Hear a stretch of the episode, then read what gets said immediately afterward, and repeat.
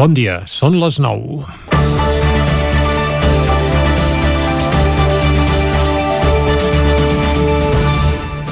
Aquest matí els que ens llevem ben d'hora ben d'hora ho hem fet que el dia ja clarejava quan la setmana passada encara era negra nit. Això sí, a mitja tarda d'ahir diumenge ja es feia fosc i clar, amb aquest panorama lumínic ja no ve gaire de gust fer activitats de tarda, si més no, a l'aire lliure. Tota aquesta reflexió ve a tom arran de l'habitual canvi horari que hem hagut de fer aquest cap de setmana. L'invent es va començar a estendre arreu del món a la dècada dels 70 del segle passat, arran de la primera gran crisi del petroli. A l'estat l'estat espanyol el canvi horari es va introduir el, el 1974 i aleshores l'excusa principal va ser que així es consumiria menys electricitat. Ara es considera que l'estalvi energètic és molt mínim, ja que es calcula que el consum en cap cas es redueix més del 5% i el motiu principal pel qual es continua fent és per aprofitar millor la llum del sol, ja que si adequem la llum natural al nostre ritme d'activitat, la nostra salut millora. El canvi, però, també és cert que afecta negativament negativament, sobretot a nadons i mascotes. Vaja, que hi ha pros i contres pels gustos de tothom. I una pregunta clau, serà aquest el darrer canvi horari de les nostres vides? És evident que no, ja que la primavera sembla que tornarem a l'horari d'estiu. Durant el 2021, però, les autoritats europees es van comprometre a resoldre definitivament el tema i podria ser que el d'aquest cap de setmana sí que hagi estat l'últim canvi de tardor. Això seria bo o dolent, ja es veurà. El que sembla clar és que el canvi d'aquest cap de setmana pot ser molt bo no per l'estalvi d'energia ni per la llum, sinó per aturar el coronavirus. És evident que amb el canvi horari, el toc de queda, o seny de lladre, com ens agrada dir-ne, que queda molt més genuí, és molt més fàcil de complir. Si es fa fosc a les 6 de la tarda, l'activitat al carrer, evidentment, eh, baixa. Ni que sigui per això, doncs, aquest any, benvingut sigui el canvi horari. I a més, la nit de dissabte a diumenge van dormir una hora més i això, pel pels que ens agrada clapar, sempre és una bona notícia.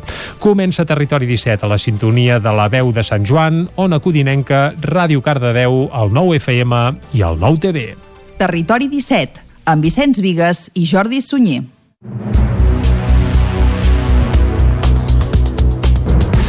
Són les 9 i 2 minuts i mig del matí del dilluns, dia 27 d'octubre de 2020. Arrenca aquí un nou Territori 17 que avui, com ja és habitual, durant la primera hora us acostarà tota l'actualitat de les nostres comarques. Després, a partir de les 10, avui tindrem un marcat caràcter esportiu. Per què?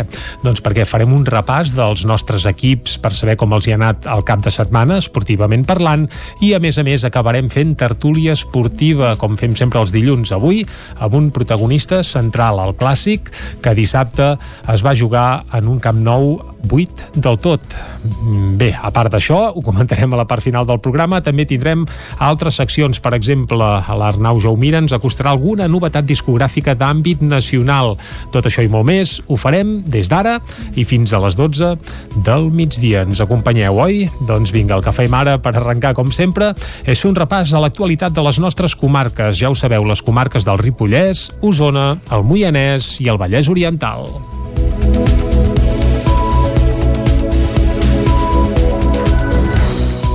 Aquesta passada nit ha estat la primera amb toc de queda a Catalunya. Cap al retard en l'anunci de la mesura, ahir s'ha aplicat en aquesta primera nit amb caràcter pedagògic. La reducció de la mobilitat nocturna s'aplicarà de les 10 de la nit a les 6 del matí. La Generalitat publicava ahir al diari oficial de la Generalitat el confinament nocturn de 10 de la nit a 6 del matí. El conseller d'Interior, Miquel Samper, però es queixava que l'estat d'alarma aprovat pel govern espanyol només els permet fer el toc de queda i el tancament de la comunitat autònoma autònoma, a més de mesures que ja s'estaven aplicant. El decret, però, els hi haig de dir que és insuficient. Mesures com, per exemple, les que s'han donat avui a Itàlia, doncs que han tancat l'activitat, tota activitat a partir de les 6 de la tarda, nosaltres no la podem fer. O si ens haguessin de plantejar, imaginem, eh? i ara de debò que això no està ni tan sols parlat, un confinament de cap de setmana, nosaltres no ho podem fer. Per tant, estem lligats de mans a només aquestes dues mesures. Home, això no és un decret d'alarma.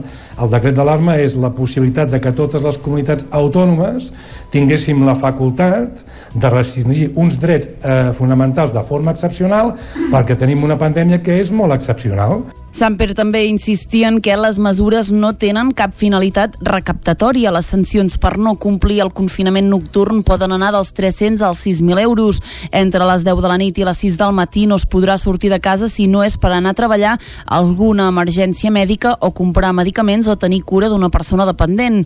La restricció no afecta els serveis essencials com farmàcies, gasolineres o serveis públics, per exemple, judicials o mèdics. Els comerços, restaurants i bars i esportius hauran d'aturar la seva activitat a les 9 i les activitats culturals podran acabar a les 10 de la nit. Una de les excepcions és que es permet treure els gossos a passejar a prop de casa de 4 a 6 de la matinada en el cas de les persones que comencin o acabin de treballar just a l'horari límit del toc de queda. La Generalitat demana un document d'autoresponsabilitat per justificar la mobilitat durant la nit que es pot descarregar al web d'Interior. La decisió del govern català d'aplicar el toc de queda de les 10 de la nit fins a les 6 de la matinada arribava després de la declaració de l'estat d'alarma per part del govern espanyol que es podria allargar durant 6 mesos fins al dia 9 de maig. L'executiu de Pedro Sánchez ho va acordar en un Consell de Ministres extraordinari. L'estat d'alarma decretat pel govern espanyol estableix mesures comunes per tot el territori però permet a les autonomies fer modificacions en funció de la situació epidemiològica. El punt més important d'aquest aquest estat d'alarma és el toc de queda nocturn general per tot Espanya de les 11 de la nit fins a les 6 del matí.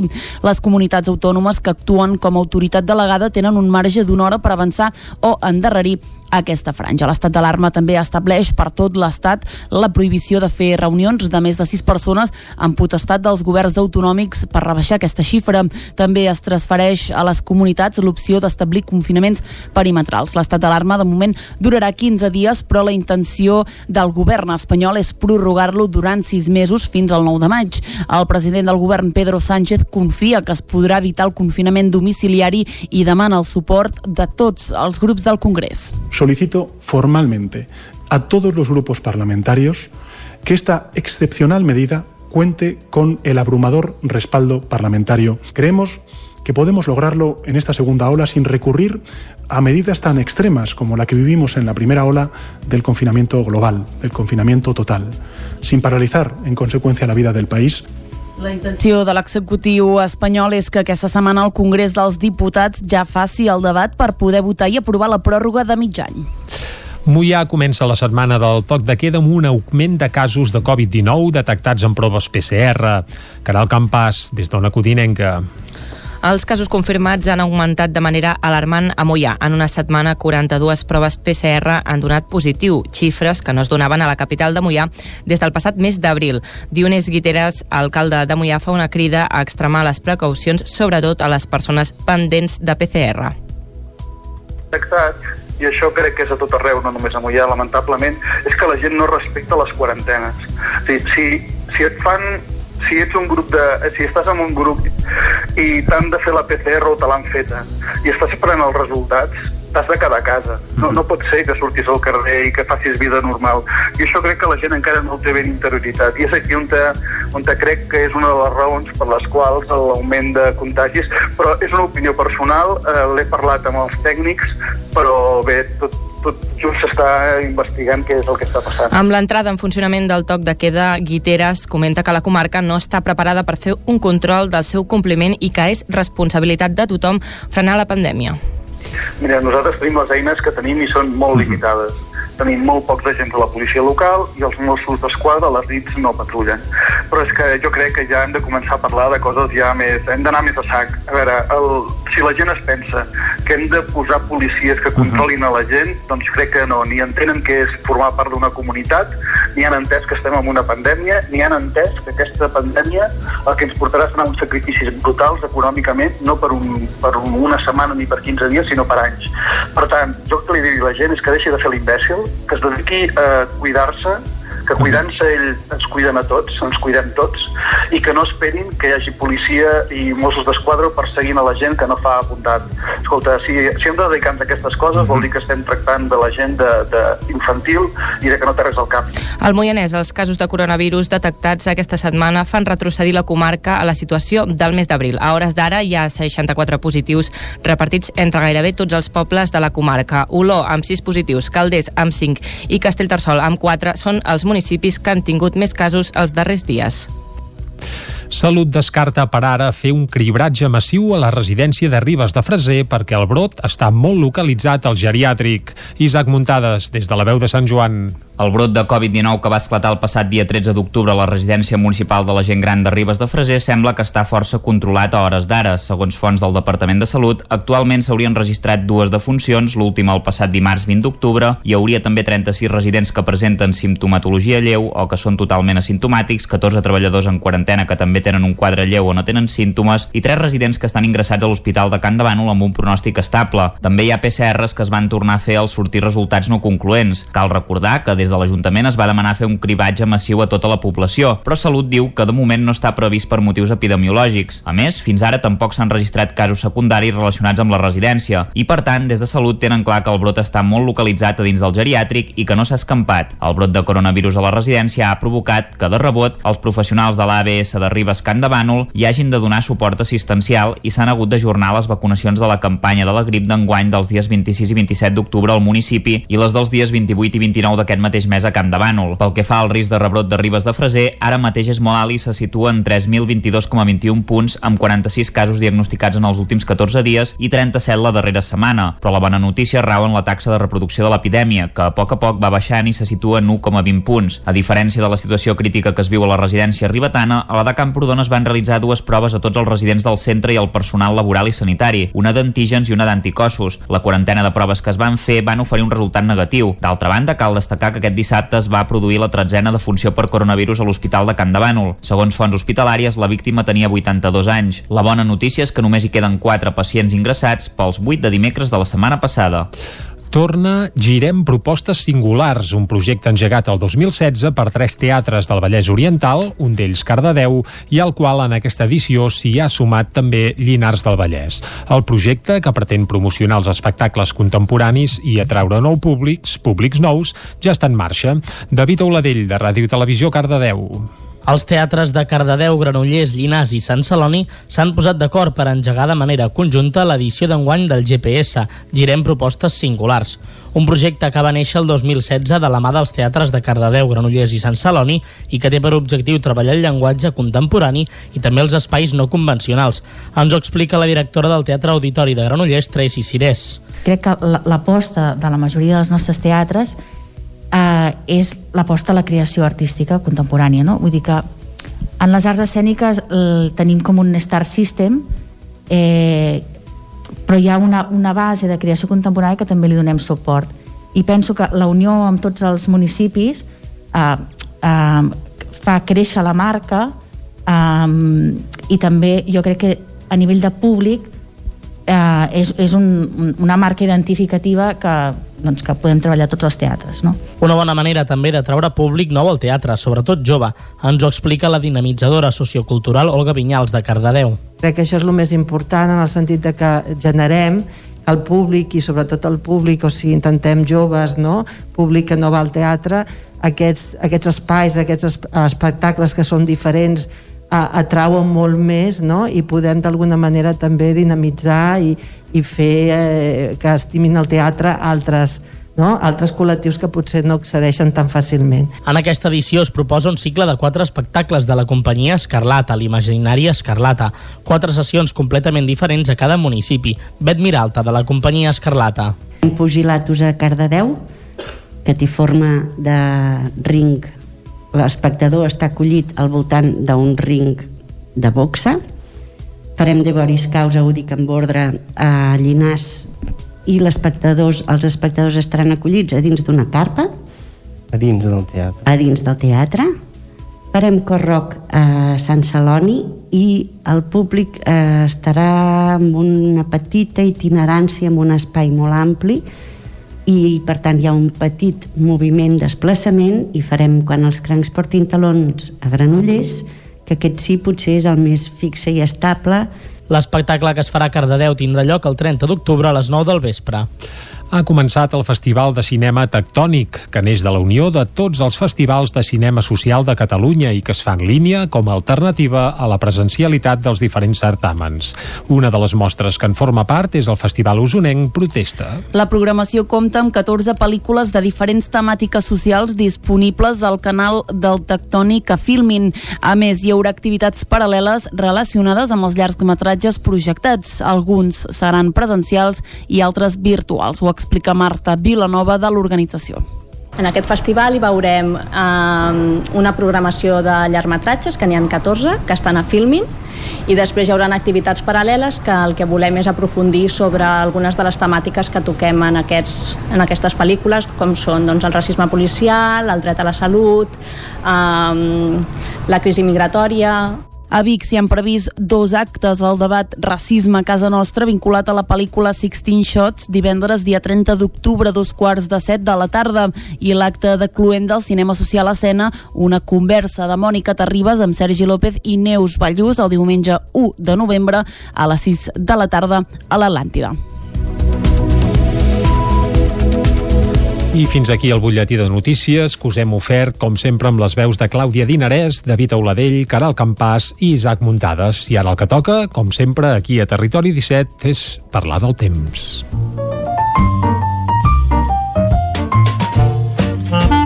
Casa Terradellos us ofereix el temps. I per saber el temps que ens espera per a les properes hores, el que farem de seguida és saludar el nostre meteoròleg de capçalera, el Pep Acosta. Pep, molt bon dia. Hola, molt bon dia. Bon dia. Molt bon dilluns a tothom. Gràcies. Què tal esteu? Bé, bé. Espero que hàgiu tingut un gran cap de setmana I tant. i que comenceu amb ganes aquesta setmana que serà ja la última d'aquest mes d'octubre. Correcte. I que ja us heu acostumat, segur que sí, a l'horari d'hivern.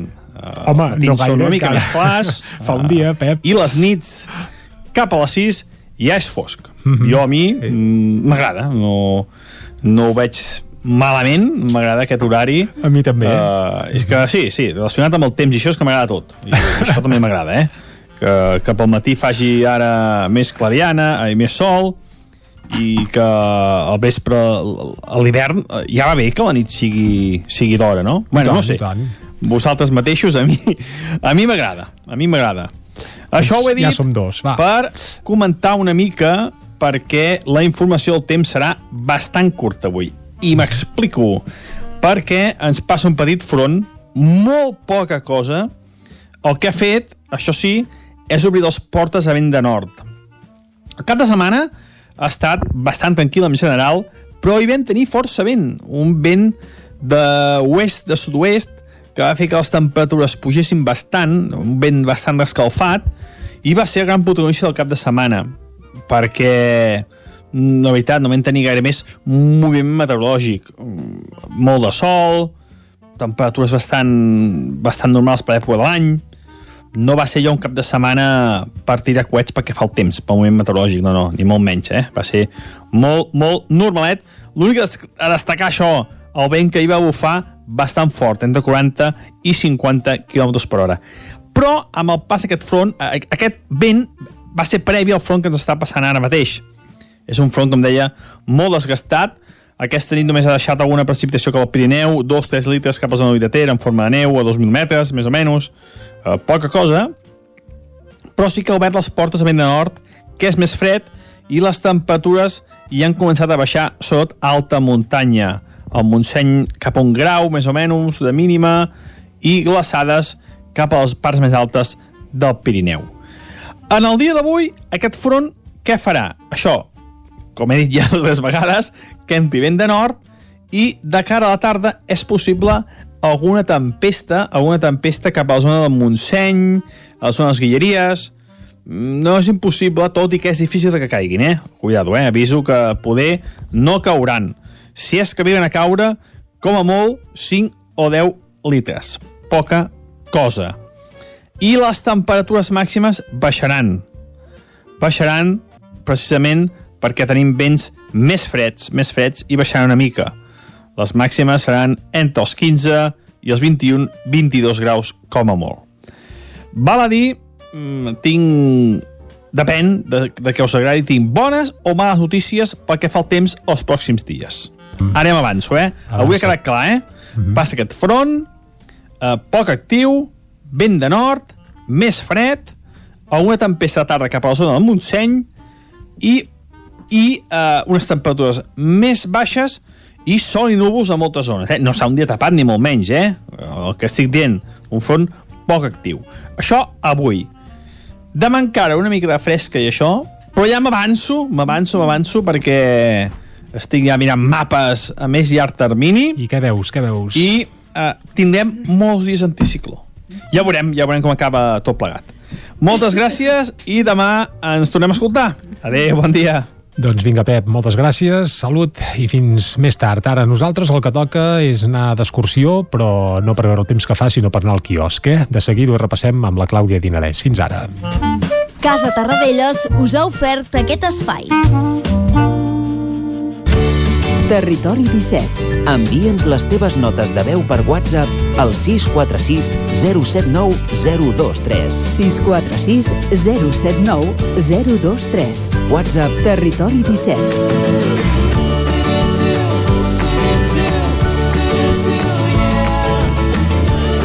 Territori 17. Som a Facebook, Twitter i Instagram amb l'usuari Territori 17.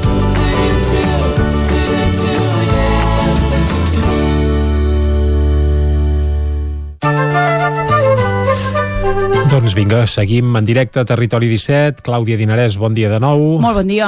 Què tenim a les portades d'avui? Comencem, si us sembla, com cada dilluns... Pel 9-9. Pel 9-9, a l'edició d'Osona i el Ripollès, que diu toc de queda aquest diumenge. Ja va entrar en vigor la prohibició de sortir al carrer entre les 10 del vespre i les 6 del matí. Els contagis s'acceleren i la taxa de propagació de la Covid-19 continua disparada a Vic i Manlleu. A la imatge veiem la plaça Major de Vic, diu carrers i places, altre cop deserts de nit. Més titulars inverteixen 2,5 milions per eliminar la perillosa sortida a la C-17 de Sant Martí de Centelles, derrotes del Vic i el Taradell a l'Hockey Lliga i el Voltregà ajorna el partit per un nou positiu Uh, també entrevistem el portaveu del PSC a Torelló, Joan Carmona, que diu que el partit estaria disposat a entrar al govern de Torelló i una dada, Osona doble en 5 anys la xifra de persones que demana ajuda per addicció a la cocaïna. Anem a l'edició del Vallès Oriental, que també obre amb l'estat d'alarma i el toc de queda. Diu Mossos i policies locals s'activen per fer complir la limitació total de la mobilitat entre les 10 i les 6 del matí.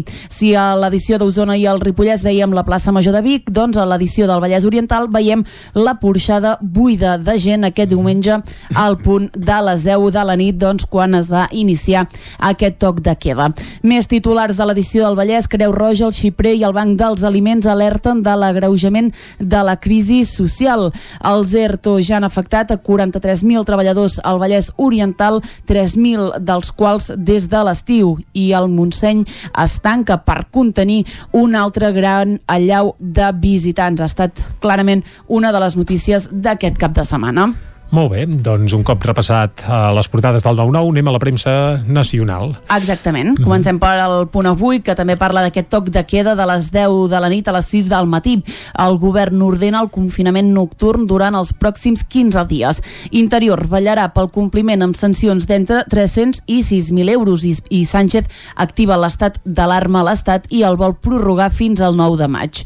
A la imatge, doncs, eh, avui veurem imatges molt curioses a les portades, les anirem comentant diu la Gran Via de Barcelona pràcticament deserta mitja hora després d'iniciar-se ahir el toc de queda a tot el país.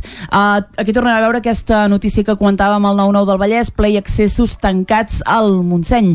La NC entra en campanya, diu l'entitat fiscalitzarà els partits sobiranistes i votar als Estats Units és una odissea. Llargues cues, purga del cens i traves són la norma. Anem al diari Ara que diu toc de queda Sánchez decreta l'estat d'alarma i el vol prorrogar fins al 9 de maig. El govern estableix el confinament nocturn activat ahir de 10 a 6 del matí. Són excepcions als motius laborals, sanitari, de cures o de retorn a casa. Bars i restaurants seguiran tancats i el takeaway se'l redueix una hora. Anem avançant, anem al periòdico que diu nit confinada, toc de queda entre les 11 de la nit i les 6 del matí, amb marge flexible segons el territori. La mobilitat, pel que fa a la mobilitat, diu les comunitats poden decidir si tanquen el seu perímetre i l'objectiu és reduir la incidència a 25 casos per 100.000 habitants. A la imatge diu tothom a casa, les mesures restrictives de moviment reclouen els domicilis les famílies. Uh, I el jutge ordena a la dona de Mainat allunyar-se de la família. Ahir va haver doncs, el judici d'aquest famós Quin cas. Quin col·labrot uh, que hi ha aquí al darrere, déu nhi Doncs sí. Avancem a l'avantguàrdia que diu Sánchez aprova un estat d'alarma que preveu fins al maig. Les autonomies gestionaran el toc de queda i podran confinar els seus territoris. A la imatge hi veiem controls policials contra la mobilitat nocturna. Catalunya prohibeix sortir de casa de 10 a 6 del matí, la cultura se salva de les noves restriccions i Itàlia passa el forrellat al lleure i també a la restauració. Anem ara a la, les portades... La premsa d'àmbit estatal. Exacte, anem cap a Madrid, anem al país que diu Espanya en estat d'alarma i amb toc de queda. L'executiu aprova el decret per 15 dies i busca que s'allargui fins al mes de maig. Com veiem, Itàlia estableix el tancament de les activitats al punt de les 6 de la tarda. A la imatge hi veiem doncs, un treballador que ahir doncs, tancava el seu local, eh, estem parlant d'un bar eh, situat a la plaça Major de Madrid. Més coses, el govern ofereix a la Unió Europea vuit reformes a canvi dels fons i aquí es pregunten com atendre a 90.000 alumnes en quarantena. El Mundo Sánchez demana sis mesos d'alarma sense control del Congrés. A la imatge diu operació del risc per alliberar a Leopoldo López, el líder opositor, arriba a Madrid mentre Maduro endureix la repressió contra els seus cercles més pròxims. Una dada, el 76% dels espanyols creu que no hi ha cap plan contra el coronavirus. A la raó, el PP, el PP eh, medeix el sí a l'estat d'alarma que blinda a Sánchez. Tornem a veure exactament la mateixa imatge del Mundo, uh, per tant veiem a Leopoldo López, diu... Uh, o sigui, la Razón parla de la fuga a la seva altra uh, casa, eh? volem dir que arriba a Espanya. I acabem rapidíssimament amb l'ABC que diu sis mesos d'estat d'alarma. Les autonomies podran tancar part o tot el seu territori i es prohibeix estar al carrer des de les 12 de la nit fins a les 6 del matí. Un punt més. Sánchez diu vol un tancament nocturn sense el control del Congrés. Molt bé, doncs fins aquí el repàs de les portades. Moltes gràcies, Clàudia. Uh, nosaltres seguim aquí a Territori 17. Ara el que toca és fer una petita pausa i tornem aquí, a dos quarts en punt.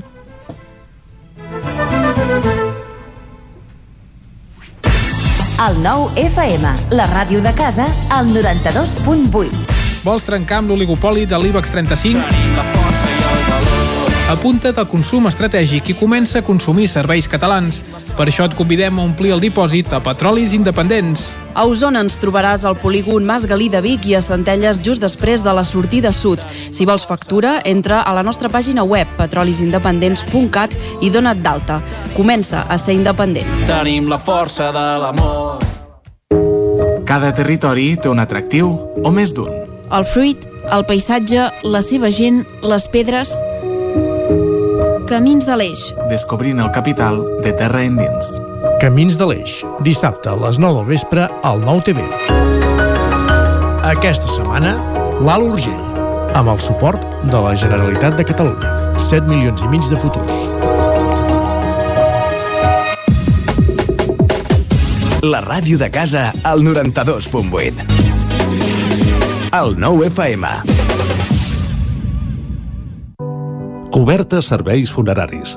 Els nostres tanatoris estan ubicats en els nuclis urbans més poblats de la comarca d'Osona per oferir un millor servei. Tanatori de Vic, Tanatori de Manlleu, Tanatori de Centelles i Tanatori de Roda de Ter. Sabem que són moments difícils i per això el nostre compromís és atendre-us en tot moment amb un tracte humà, sensible i respectuós. Cobertes serveis funeraris. Telèfon 24 hores 93 883 23 46. Amb Pradell estalvio energia i cuido la meva butxaca i el medi ambient. Posa't en mans de Pradell. Són experts en calderes de gas i condensació, estufes de pèl·let, energia solar, terres radiants, geotèrmia i aerotèrmia.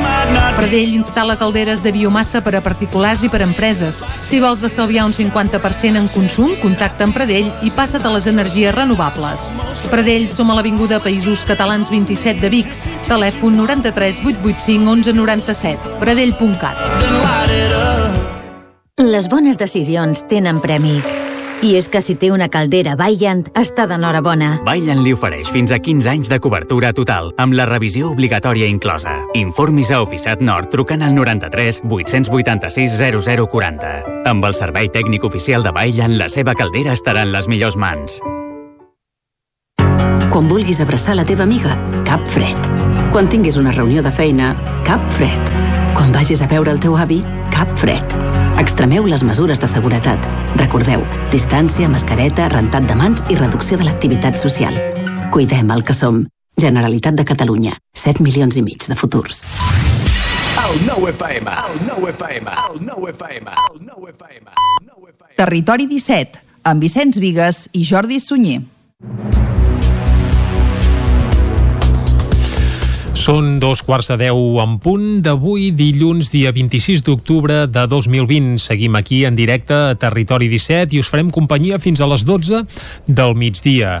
Ara el que farem és acostar-vos de nou l'actualitat de les nostres comarques, com fem sempre, però després, avui és dilluns i per tant tindrem un programa marcat caràcter esportiu. Repassarem els resultats del cap de setmana dels equips dels nostres territoris, especialment els d'hoquei patins, perquè la majoria de la resta de competicions estan aturades per culpa del coronavirus. Què més farem també? Doncs com cada dilluns coneixerem alguna novetat discogràfica d'àmbit nacional. Ens l'acostarà l'Arnau Jaumira i acabarem fent tertúlia esportiva de la Lliga de Futbol del cap de setmana, marcada evidentment pel clàssic entre el Barça i el Madrid que es va disputar dissabte a la tarda al Camp Nou. Tot això i molt més des d'ara, ja ho sabeu, i fins a les 12 del migdia i el que toca en aquest moment és acostar-vos de nou tota l'actualitat de les nostres comarques, les comarques del Ripollès, Osona, el Moianès i el Vallès Oriental.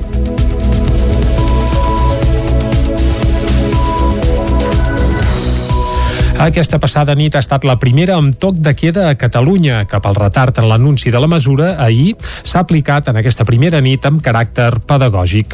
La reducció de la mobilitat nocturna s'aplicarà de les 10 de la nit a les 6 del matí. La Generalitat publicava ahir al diari oficial de la Generalitat el confinament nocturn de 10 de la nit a 6 del matí. El conseller d'Interior, Miquel Samper, però es queixava que l'estat d'alarma aprovat pel govern espanyol només els permet fer el toc de queda i el tancament de la comunitat autònoma a més de mesures que ja s'estaven aplicant. El decret, però, els hi haig de dir que és insuficient. Mesures com, per exemple, les que s'han donat avui a Itàlia, doncs que han tancat l'activitat, tota activitat a partir de les 6 de la tarda, nosaltres no la podem fer. O si ens haguessin de plantejar, imaginem, eh? I ara, de debò que això no està ni tan sols parlat, un confinament de cap de setmana, nosaltres no ho podem fer. Per tant, estem lligats de mans a només aquestes dues mesures. Home, això no és un decret d'alarma. El decret d'alarma és la possibilitat de que totes les comunitats autònomes tinguéssim la facultat de restringir uns drets eh, fonamentals de forma excepcional perquè tenim una pandèmia que és molt excepcional. Samper també insistien que les mesures no tenen cap finalitat recaptatòria. Les sancions per no complir el confinament nocturn poden anar dels 300 als 6.000 euros. Entre les 10 de la nit i les 6 del matí no es podrà sortir de casa si no és per anar a treballar alguna emergència mèdica o comprar medicaments o tenir cura d'una persona dependent.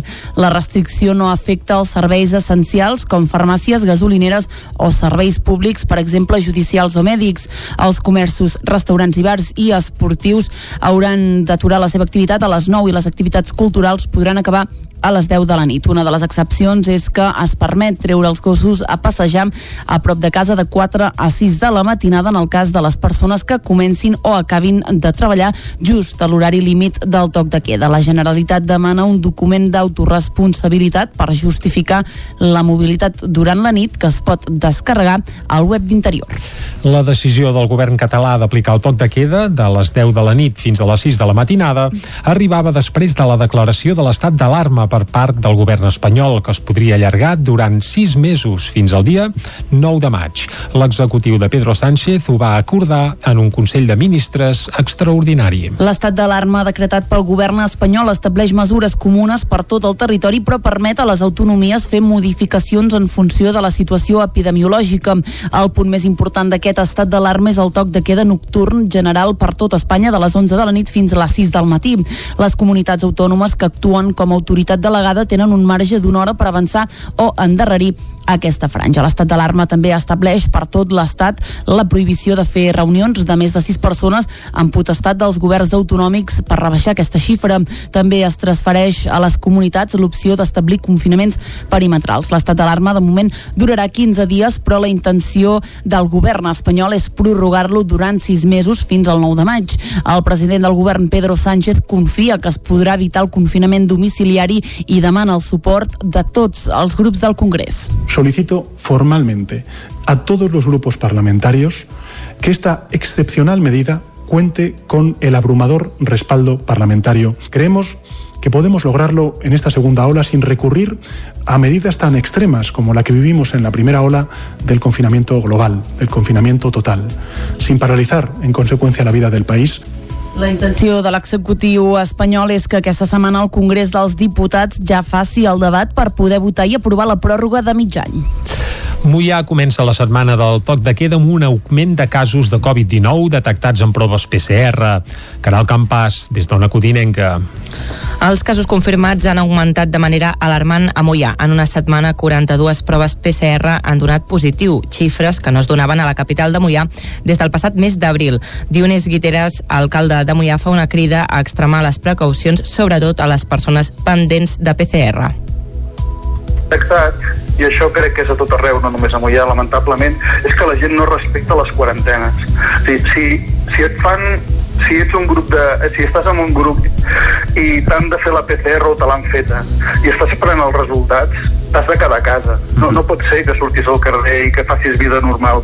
I això crec que la gent encara no ho té ben interioritzat. I és aquí on, te, on te crec que és una de les raons per les quals l'augment de contagis, però és una opinió personal, eh, l'he parlat amb els tècnics, però bé, tot, tot just s'està investigant què és el que està passant. Amb l'entrada en funcionament del toc de queda, Guiteres comenta que la comarca no està preparada per fer un control del seu compliment i que és responsabilitat de tothom frenar la pandèmia. Mira, nosaltres tenim les eines que tenim i són molt limitades. Tenim molt pocs agents de la policia local i els Mossos d'Esquadra, les DITs, no patrullen.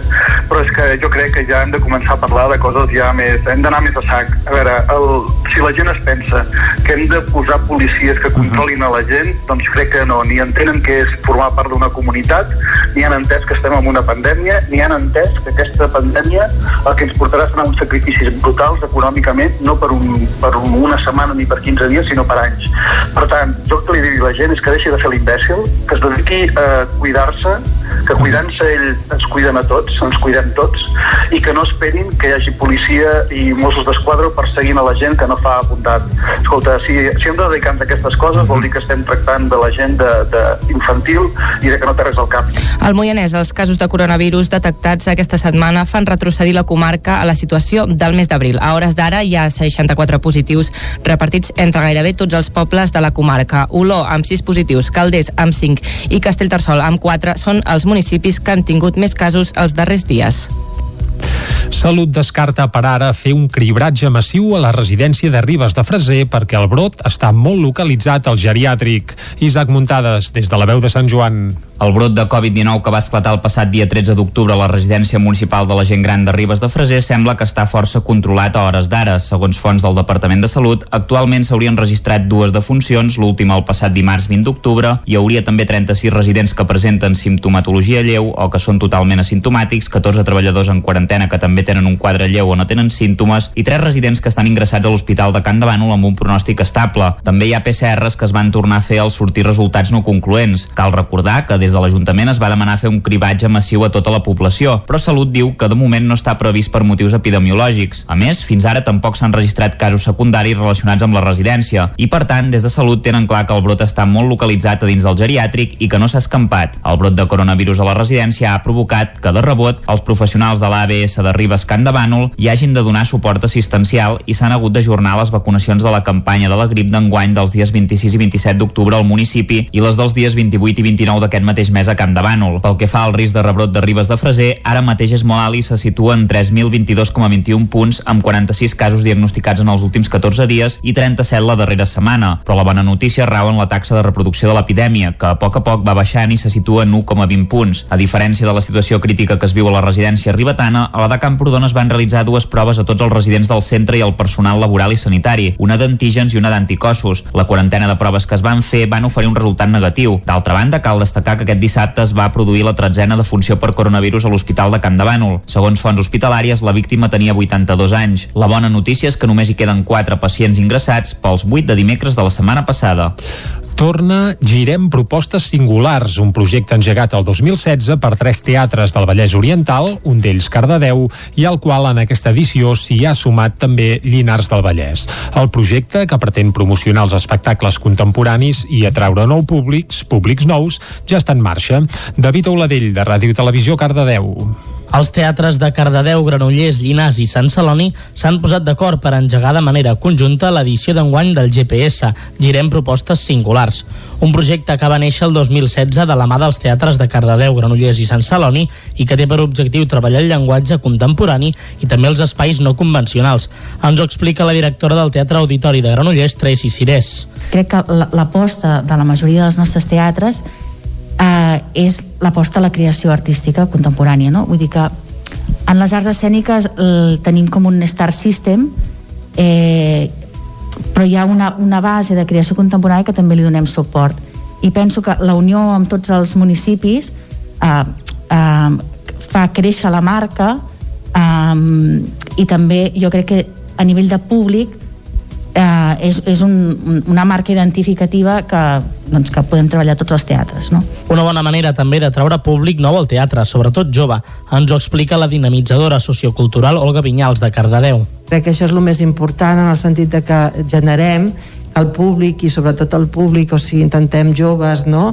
públic que no va al teatre, aquests, aquests espais, aquests espectacles que són diferents atrauen molt més no? i podem d'alguna manera també dinamitzar i, i fer eh, que estimin el teatre altres no? altres col·lectius que potser no accedeixen tan fàcilment. En aquesta edició es proposa un cicle de quatre espectacles de la companyia Escarlata, l'imaginari Escarlata, quatre sessions completament diferents a cada municipi. Bet Miralta, de la companyia Escarlata. Pugilatos a Cardedeu, que té forma de ring l'espectador està acollit al voltant d'un ring de boxa. Farem de Boris Causa, ho dic amb ordre a Llinars i l'espectadors, els espectadors estaran acollits a dins d'una carpa. A dins del teatre. A dins del teatre. Farem corroc a Sant Celoni i el públic eh, estarà amb una petita itinerància en un espai molt ampli i per tant hi ha un petit moviment desplaçament i farem quan els crancs portin talons a Granollers que aquest sí potser és el més fixe i estable L'espectacle que es farà a Cardedeu tindrà lloc el 30 d'octubre a les 9 del vespre. Ha començat el Festival de Cinema Tectònic, que neix de la unió de tots els festivals de cinema social de Catalunya i que es fa en línia com a alternativa a la presencialitat dels diferents certàmens. Una de les mostres que en forma part és el Festival Usonenc Protesta. La programació compta amb 14 pel·lícules de diferents temàtiques socials disponibles al canal del Tectònic a Filmin. A més, hi haurà activitats paral·leles relacionades amb els llargmetratges muntatges projectats. Alguns seran presencials i altres virtuals. Ho explica Marta Vilanova de l'organització. En aquest festival hi veurem eh, una programació de llargmetratges, que n'hi ha 14, que estan a Filmin, i després hi haurà activitats paral·leles que el que volem és aprofundir sobre algunes de les temàtiques que toquem en, aquests, en aquestes pel·lícules, com són doncs, el racisme policial, el dret a la salut, eh, la crisi migratòria, A Vic s'hi han previst dos actes al debat Racisme a casa nostra vinculat a la pel·lícula Sixteen Shots divendres dia 30 d'octubre dos quarts de set de la tarda i l'acte de cluent del cinema social escena una conversa de Mònica Terribas amb Sergi López i Neus Ballús el diumenge 1 de novembre a les 6 de la tarda a l'Atlàntida. I fins aquí el butlletí de notícies que us hem ofert, com sempre, amb les veus de Clàudia Dinarès, David Auladell, Caral Campàs i Isaac Muntades. I ara el que toca, com sempre, aquí a Territori 17, és parlar del temps.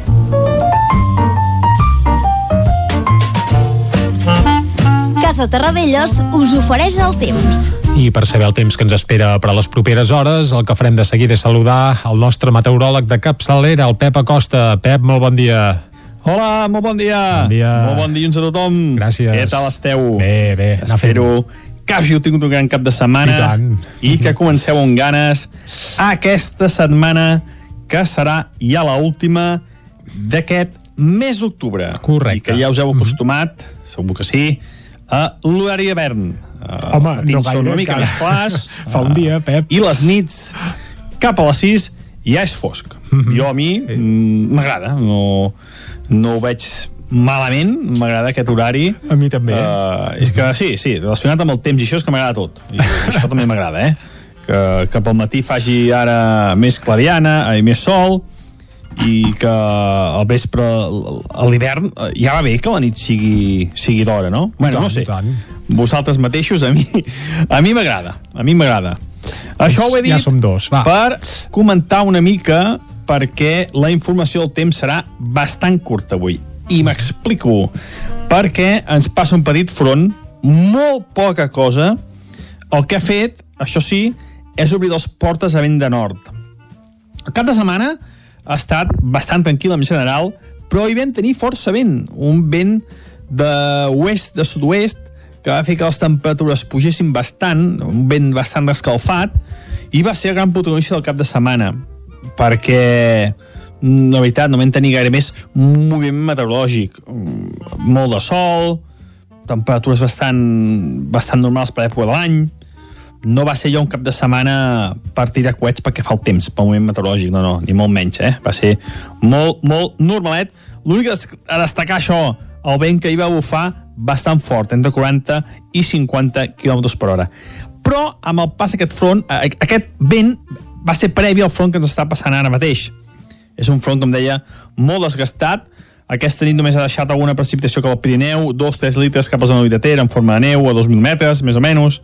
Eh, poca cosa, però sí que ha obert les portes a vent de nord, que és més fred, i les temperatures hi han començat a baixar, sobretot a alta muntanya. El Montseny cap a un grau, més o menys, de mínima, i glaçades cap a les parts més altes del Pirineu. En el dia d'avui, aquest front què farà? Això, com he dit ja dues vegades, entri vent de nord i de cara a la tarda és possible alguna tempesta, alguna tempesta cap a la zona del Montseny, a la zona de les Guilleries, no és impossible, tot i que és difícil que caiguin, eh? Cuidado, eh? Aviso que poder no cauran. Si és que arriben a caure, com a molt, 5 o 10 litres. Poca cosa. I les temperatures màximes baixaran. Baixaran precisament perquè tenim vents més freds, més freds i baixaran una mica. Les màximes seran entre els 15 i els 21-22 graus com a molt. Val a dir, mm, tinc depèn de, de què us agradi, tinc bones o males notícies pel que fa el temps els pròxims dies. Mm. Ara ja m'avanço, eh? Avança. Avui ha quedat clar, eh? Mm -hmm. Passa aquest front, eh, poc actiu, vent de nord, més fred, alguna tempesta de tarda cap a la zona del Montseny i, i eh, unes temperatures més baixes i sol i núvols a moltes zones. Eh? No està un dia tapat ni molt menys, eh? El que estic dient, un front poc actiu. Això avui. Demà encara una mica de fresca i això, però ja m'avanço, m'avanço, m'avanço, perquè estic ja mirant mapes a més llarg termini. I què veus, què veus? I eh, tindrem molts dies anticicló. Ja veurem, ja veurem com acaba tot plegat. Moltes gràcies i demà ens tornem a escoltar. Adéu, bon dia. Doncs vinga, Pep, moltes gràcies, salut i fins més tard. Ara nosaltres el que toca és anar d'excursió, però no per veure el temps que fa, sinó per anar al quiosc, eh? De seguida ho repassem amb la Clàudia Dinarès. Fins ara. Casa Tarradellas us ha ofert aquest espai.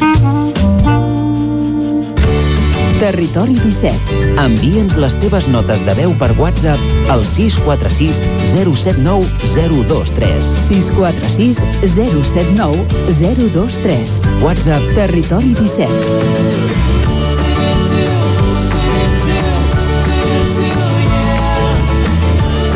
Territori 17. Som a Facebook, Twitter i Instagram amb l'usuari Territori 17.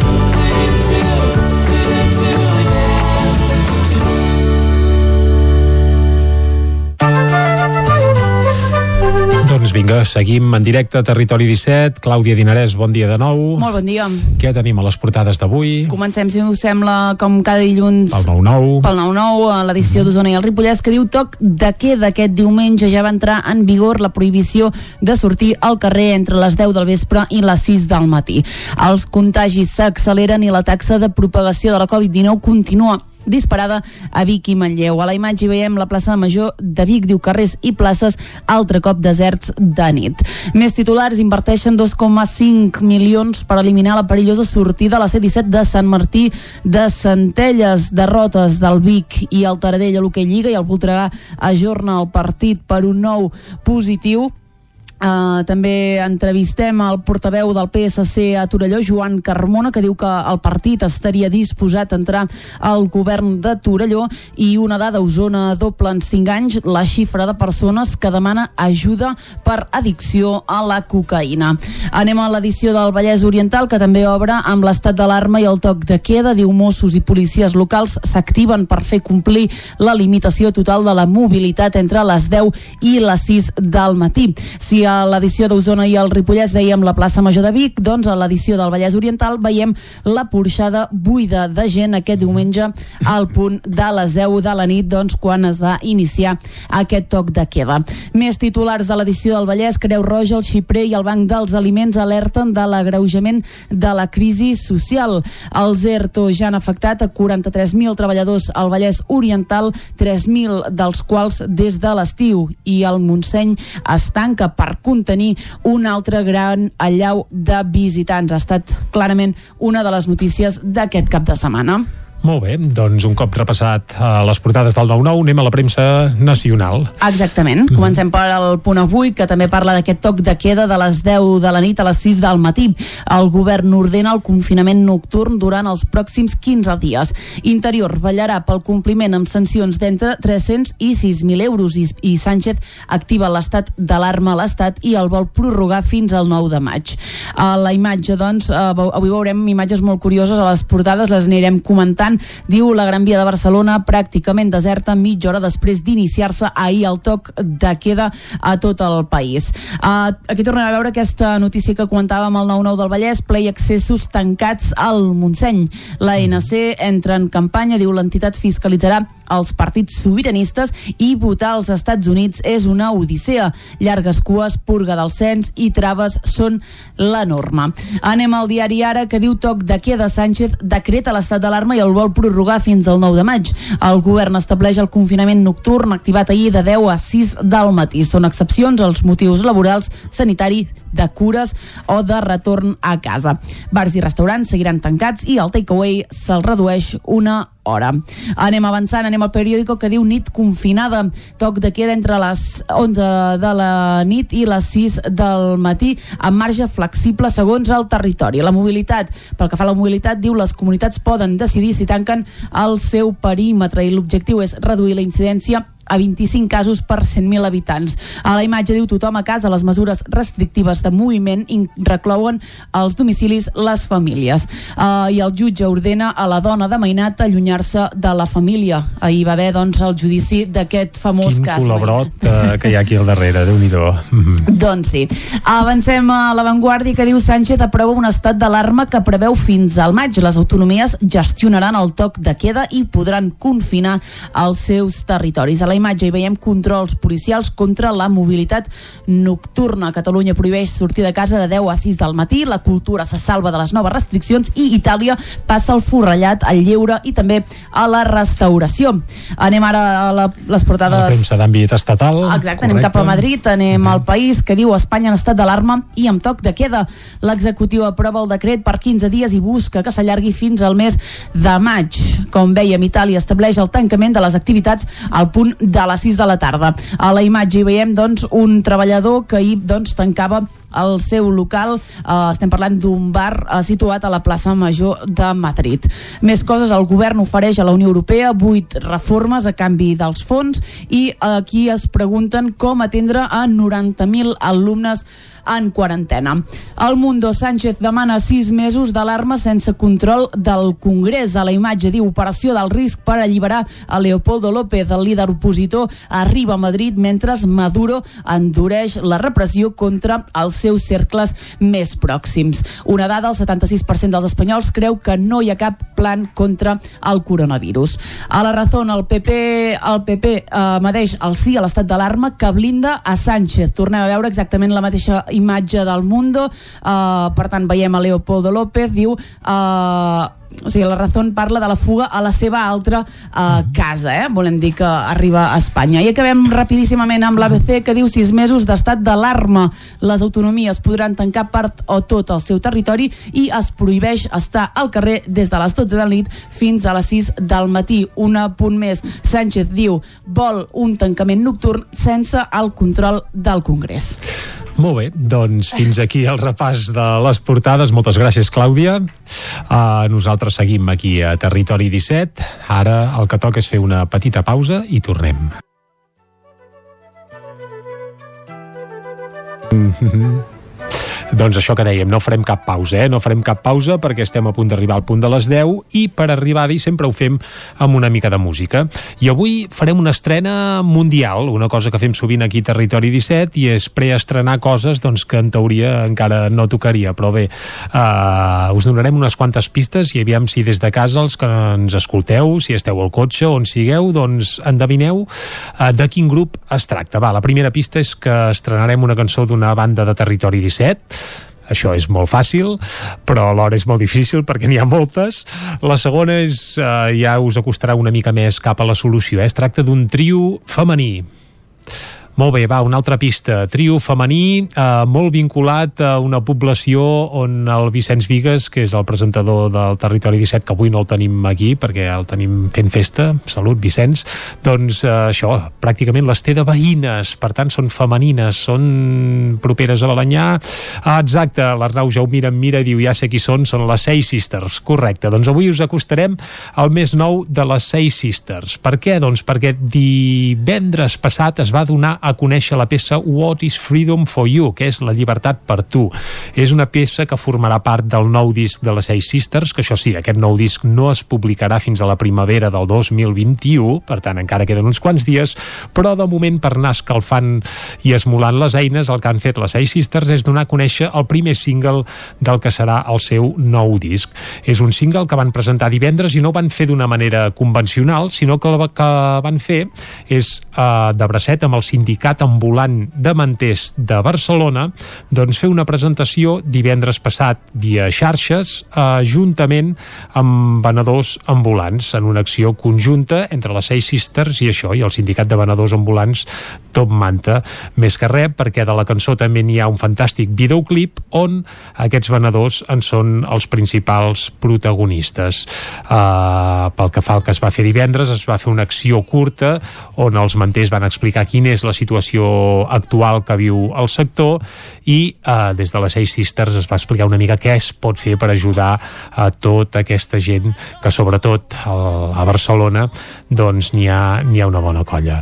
Re, uh, fet aquest apunt, el que hem de fer ara és escoltar What is Freedom for You, el més nou de les Seis Sisters. I a les 10 tornem a Territori 17 per acostar-vos de nou tota l'actualitat de les nostres comarques. Fins ara mateix.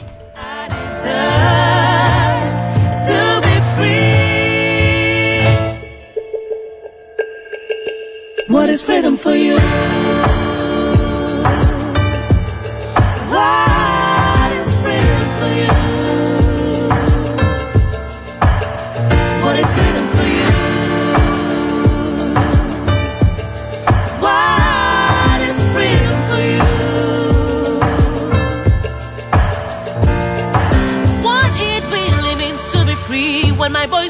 Always been turned away. And in my daily days, I have to be okay with all your questions about me. What it really means to be free when my dignity is not a human right. And the oceans filled with black bodies, forgotten and without a name. Those who came before defied their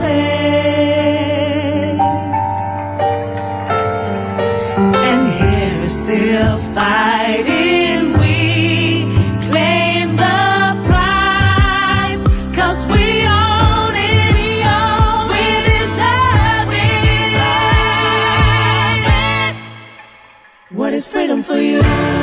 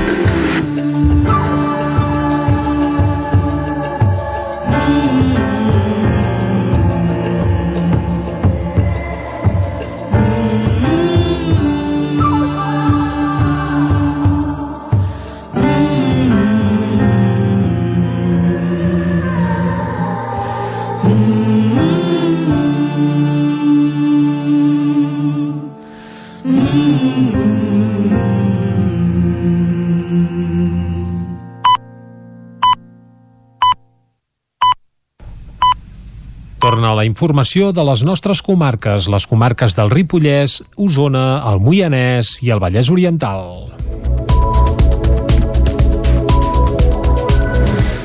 En el primer cap de setmana de restricció d'accés de vehicles al Parc Natural del Montseny s'han hagut de tancar els aparcaments, tot i que s'ha notat una disminució de l'afluència respecte als caps de setmana anteriors. Dissabte a les 10 del matí l'aparcament de Collformic al Brull ja estava ple i diumenge el cartell de complet s'hi va penjar a dos quarts de nou. A partir de llavors només es podia entrar al pàrquing quan sortia algun vehicle. Sentim a l'alcalde del Brull, Ferran Teixidor, i la presidenta de la Diputació de Barcelona, Núria Marín, que dissabte va visitar diversos municipis del Parc Natural. De totes maneres hem de fer molta pedagogia perquè la gent ha d'entendre que no podem tenir aquí Mossos d'Esquadra, guardes forestals, guardes del parc, no ho podem arribar a tenir, hem de tenir un lletrero que digui complert. I complert vol dir complert. Vol dir que no pots aparcar la carretera, que no pots fer no sé què, no sé quant. Això, aquesta pedagogia ho dic perquè encara que sigui muntanya i entorn natural, no pot ser el que vulguis. La situació avui no té res a veure amb els caps de setmana anteriors. Uh, realment l'o- l'operatiu que hem realitzat entre els municipis, uh, la Diputació Barcelona-Girona i també el Departament d'Interior està funcionant. De visitants aquest diumenge n'hi havia de diferents punts del territori. Beatriz García, treballadora de l'àmbit sanitari, hi va acudir amb la família. I Berta Moya, de Barcelona, explicava que volien pujar al Matagalls però que havien hagut d'aparcar el Brull perquè ja no es podia accedir a l'estacionament de Collformic. Venim de Barcelona, bueno, a veure si ens podia donar una mica l'aire perquè amb tot això de la Covid, pues, com tothom suposo que estem agobiats i de, precisament jo em dedico una mica al sector i estic bastant agobiada i he dit que necessitava que em donés l'aire. que no ens han deixat passar. Ara hem sapigut que era perquè aquest pàrquing d'aquí està ple i per això ens hem quedat allà i ara portem una hora i mitja caminant des d'allà amb la intenció d'arribar al Matagalls. Un altre dels municipis d'Osona que forma part del Parc Natural del Montseny és Viladrau. Segons l'alcaldessa Noemí Basties, les mesures hi van funcionar més bé diumenge que dissabte. Basties considera que cal perfilar alguns serrells de la limitació d'accés i també aclarir fins quan s'aplicarà. Camprodon concentra la majoria de grups escolars que hi ha al Ripollès confinats, juntament amb l'Institut Abat Oliva de Ripoll.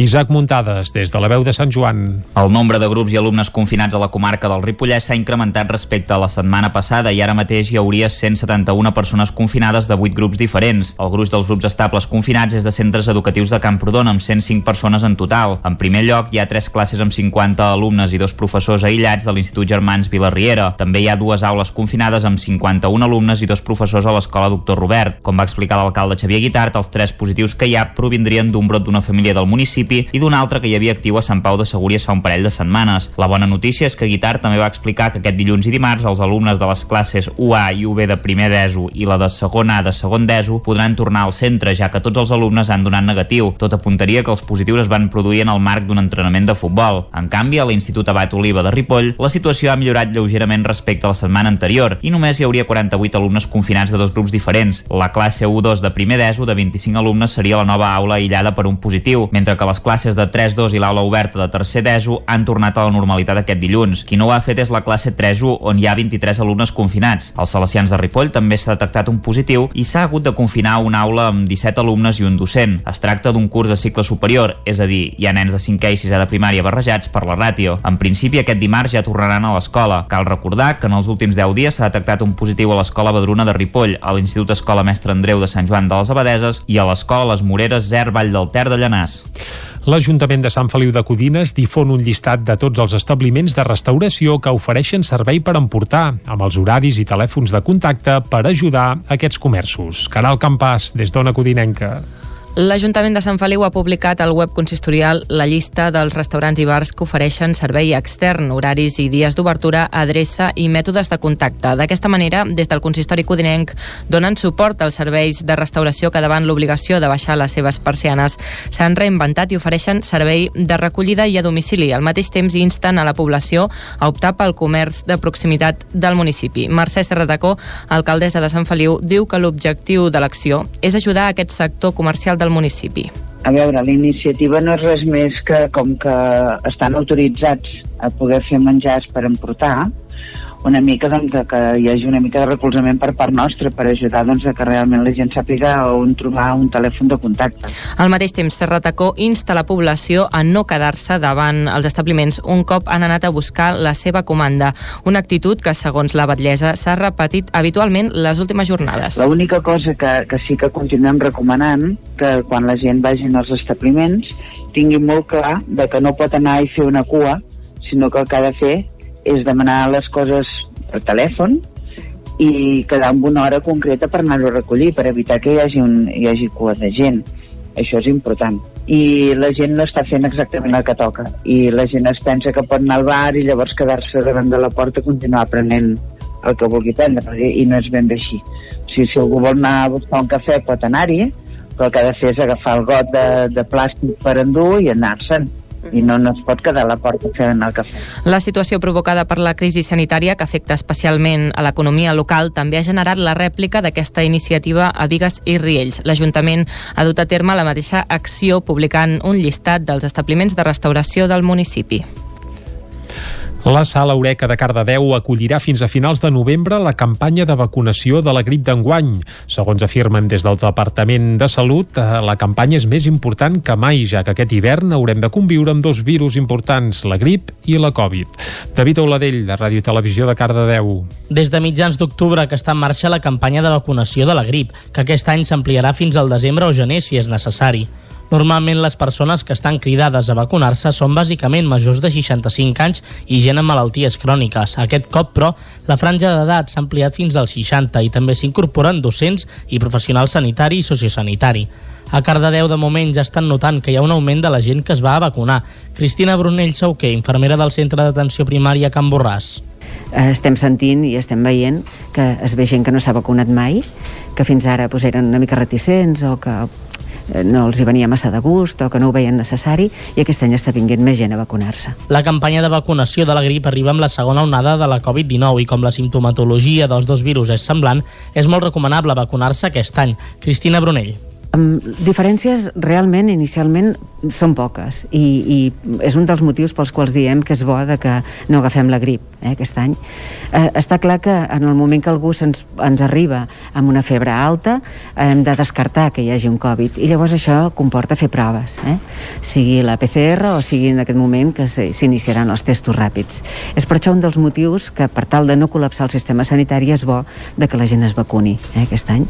Per demanar hora per vacunar-se es pot fer a través de la pàgina web de l'Institut Català de la Salut trucant al 93 326 8901 o bé escanejant un codi QR que es pot trobar al mateix centre d'atenció primària. Els 16 detinguts en l'operació dels Mossos d'Esquadra contra el tràfic de cocaïna a la comarca d'Osona ja estan en llibertat. Van quedar en llibertat després de passar una nit a presó i pagar un total de 120.000 euros en fiances imposades pel jutge. Es tracta d'un dels cops més importants que s'han fet últimament a la comarca contra el tràfic d'aquesta droga. L'epicentre era a Roda de Ter, on sis germans haurien creat una xarxa per aconseguir grans quantitats de cocaïna que després revenien a distribuïdors directes. Es van fer escorcolls a diversos habitatges habitatges de Roda, Sant Hipòlit, Vic, Manlleu i Santa Eugènia. Es van intervenir 7 quilos i mig de cocaïna, 20 de xix i 195.000 euros en efectiu. Aquestes xifres creixen si s'hi sumen les intervencions que ja s'havien fet amb interioritat vinculades amb aquest cas. Uns 12 quilos de cocaïna en total, 20 quilos de xix i més de 300.000 euros en efectiu.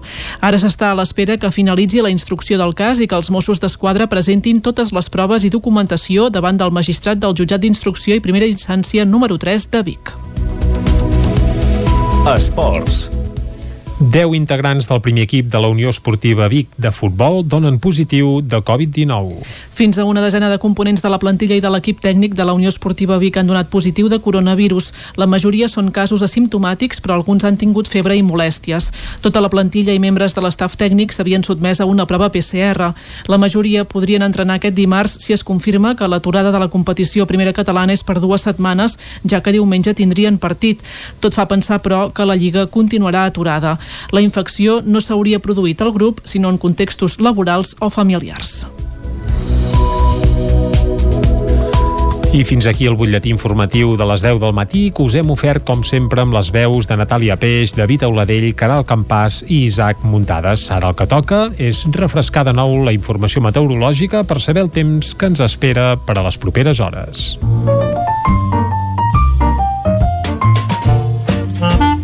Casa Terradellos us ofereix el temps. I qui ens acosta el temps, com sempre, és el Pep Acosta, qui ja saludem ara mateix. Bon dia de nou, Pep. Hola, molt bon Ei, dia. Bon dia, bon dia. Cap de setmana Uf, animat, ha eh? estat bastant tranquil en general, Sí. però hi vam tenir força vent, un vent de oest, de sud-oest, que va fer que les temperatures pugessin bastant, un vent bastant escalfat, i va ser el gran protagonista del cap de setmana. Però, amb el pas d'aquest front, aquest vent va ser previ al front que ens està passant ara mateix. És un front, com deia, molt desgastat. Aquesta nit només ha deixat alguna precipitació cap al Pirineu, 2-3 litres cap a zona de Ter en forma de neu a 2.000 metres, més o menys. Eh, poca cosa, però sí que ha obert les portes a vent de nord, que és més fred, i les temperatures hi han començat a baixar, sobretot a alta muntanya. El Montseny cap a un grau, més o menys, de mínima, i glaçades cap a les parts més altes del Pirineu. En el dia d'avui, aquest front què farà? Això, com he dit ja dues vegades, que vent de nord i de cara a la tarda és possible alguna tempesta, alguna tempesta cap a la zona del Montseny, a la zona de les Guilleries, no és impossible, tot i que és difícil que caiguin, eh? Cuidado, eh? Aviso que poder no cauran. Si és que arriben a caure, com a molt, 5 o 10 litres. Poca cosa. I les temperatures màximes baixaran. Baixaran precisament perquè tenim vents més freds, més freds i baixaran una mica. Les màximes seran entre els 15 i els 21-22 graus com a molt. Val a dir, mm, tinc... Depèn de, de què us agradi, tinc bones o males notícies pel que fa al temps els pròxims dies. Ara ja m'avanço, eh? Avui ha quedat clar, eh? Passa aquest front, eh, poc actiu, vent de nord, més fred, alguna tempesta de tarda cap a la zona del Montseny i, i eh, unes temperatures més baixes i sol i núvols a moltes zones. Eh? No està un dia tapat ni molt menys, eh? El que estic dient, un front poc actiu. Moltes gràcies i demà ens tornem a escoltar. Adéu, bon dia. Doncs vinga, Pep, moltes gràcies i estarem al cas de si cau alguna gota durant el dia d'avui o no. I ara, un cop ha passat pel temps, el que ens toca és fer una molt greu pausa i de seguida anem cap a l'entrevista. Avui parlarem del Festival de Música Religiosa de Vic, que tot i sent època de pandèmia ha arrencat aquest cap de setmana i encara té cites pendents pel cap de setmana vinent. En coneixerem tots els detalls de seguida perquè conversarem amb el seu director artístic. D'aquí, mig minut. Fins ara mateix. Casa Tarradellas us ha ofert aquest espai.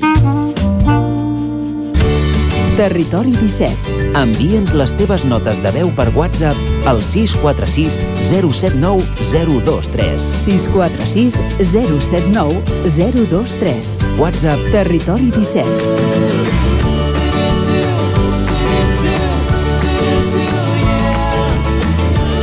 Territori 17. Som a Facebook, Twitter i Instagram amb l'usuari Territori 17.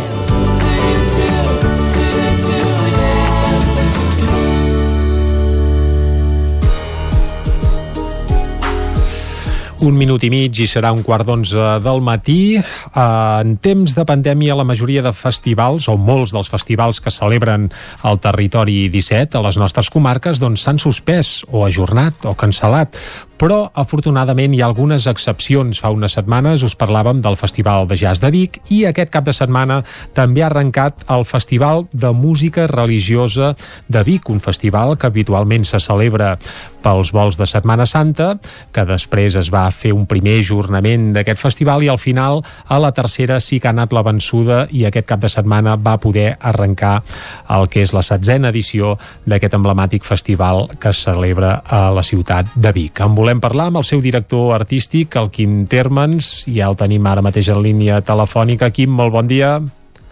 Hola, bon dia.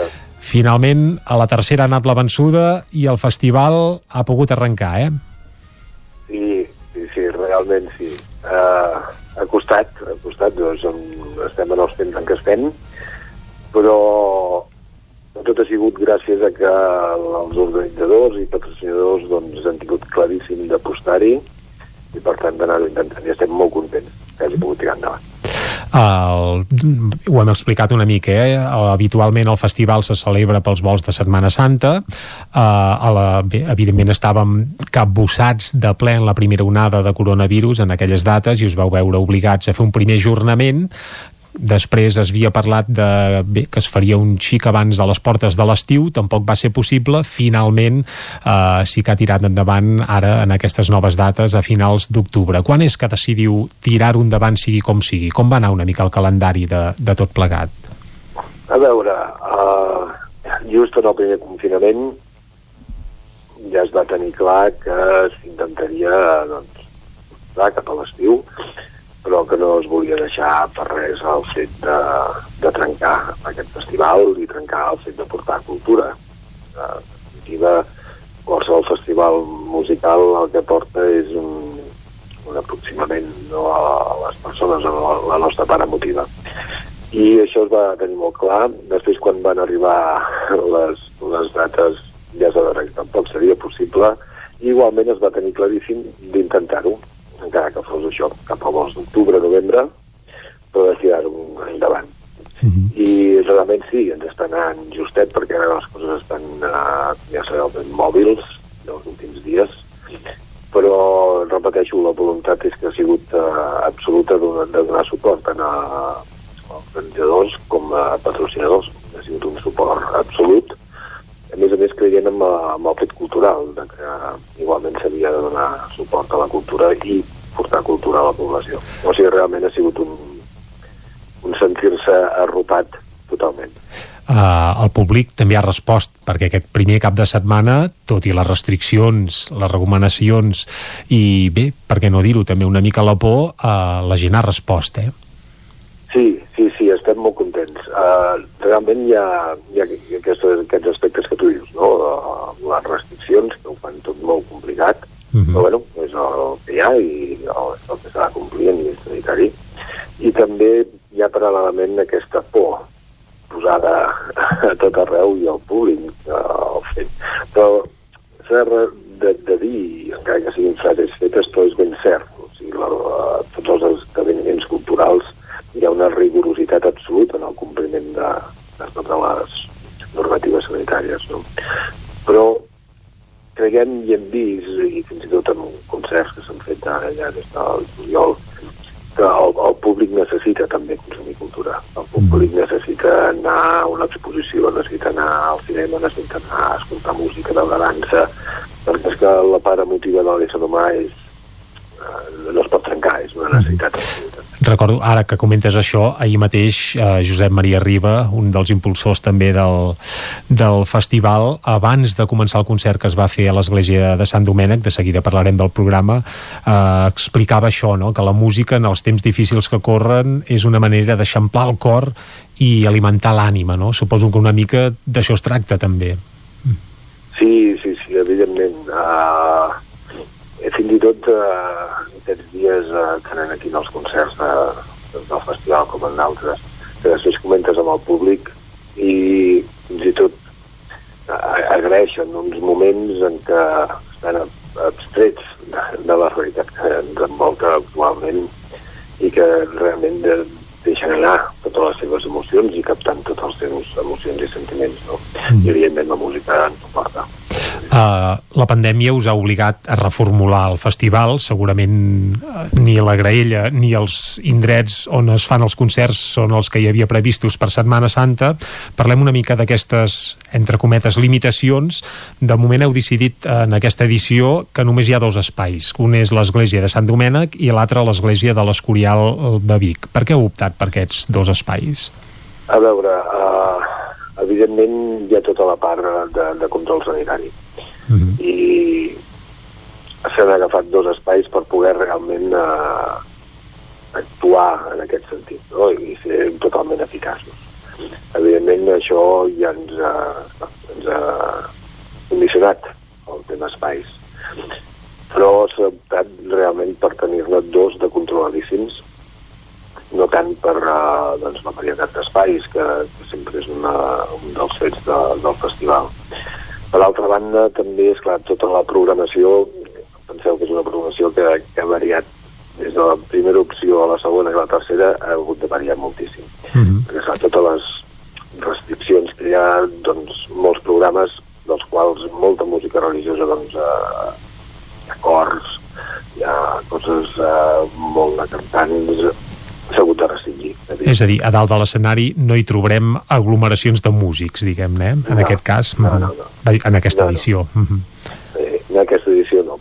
I això ha passat per posar-hi molta, molta imaginació, anar a buscar formats, evidentment, més petits, instrumentals, que també ens portin eh, doncs, aquest esperit, no? aquest esperit de, de, de, del festival, que és sí que és mostrar música religiosa en el sentit tradicional, però també mostrar que la música, qualsevol música pot tenir un, un element espiritual humà, religiós, no això cadascú, però que les emocions i el que desperta ho és. Uh -huh. uh, tornant a les entrades, uh, recordem que totes són numerades, que es poden adquirir a l'oficina de turisme de Vic i que donades les limitacions de l'aforament, doncs la venda de localitats uh, en principi es fa de manera només anticipada, oi? Sí, sí, sí, d'entrada sí. Uh -huh. sí, sí les limitacions són, són molt clares, però bé, uh, tot i així, totes les limitacions i tot, tant públic com artistes com organitzadors, tirar pel dret a, a gaudir, a gaudir d'aquest uh -huh. festival d'aquesta música. I expliquem també que tota la recaptació d'aquest any anirà destinada al Banc d'Aliments eh, de Vic.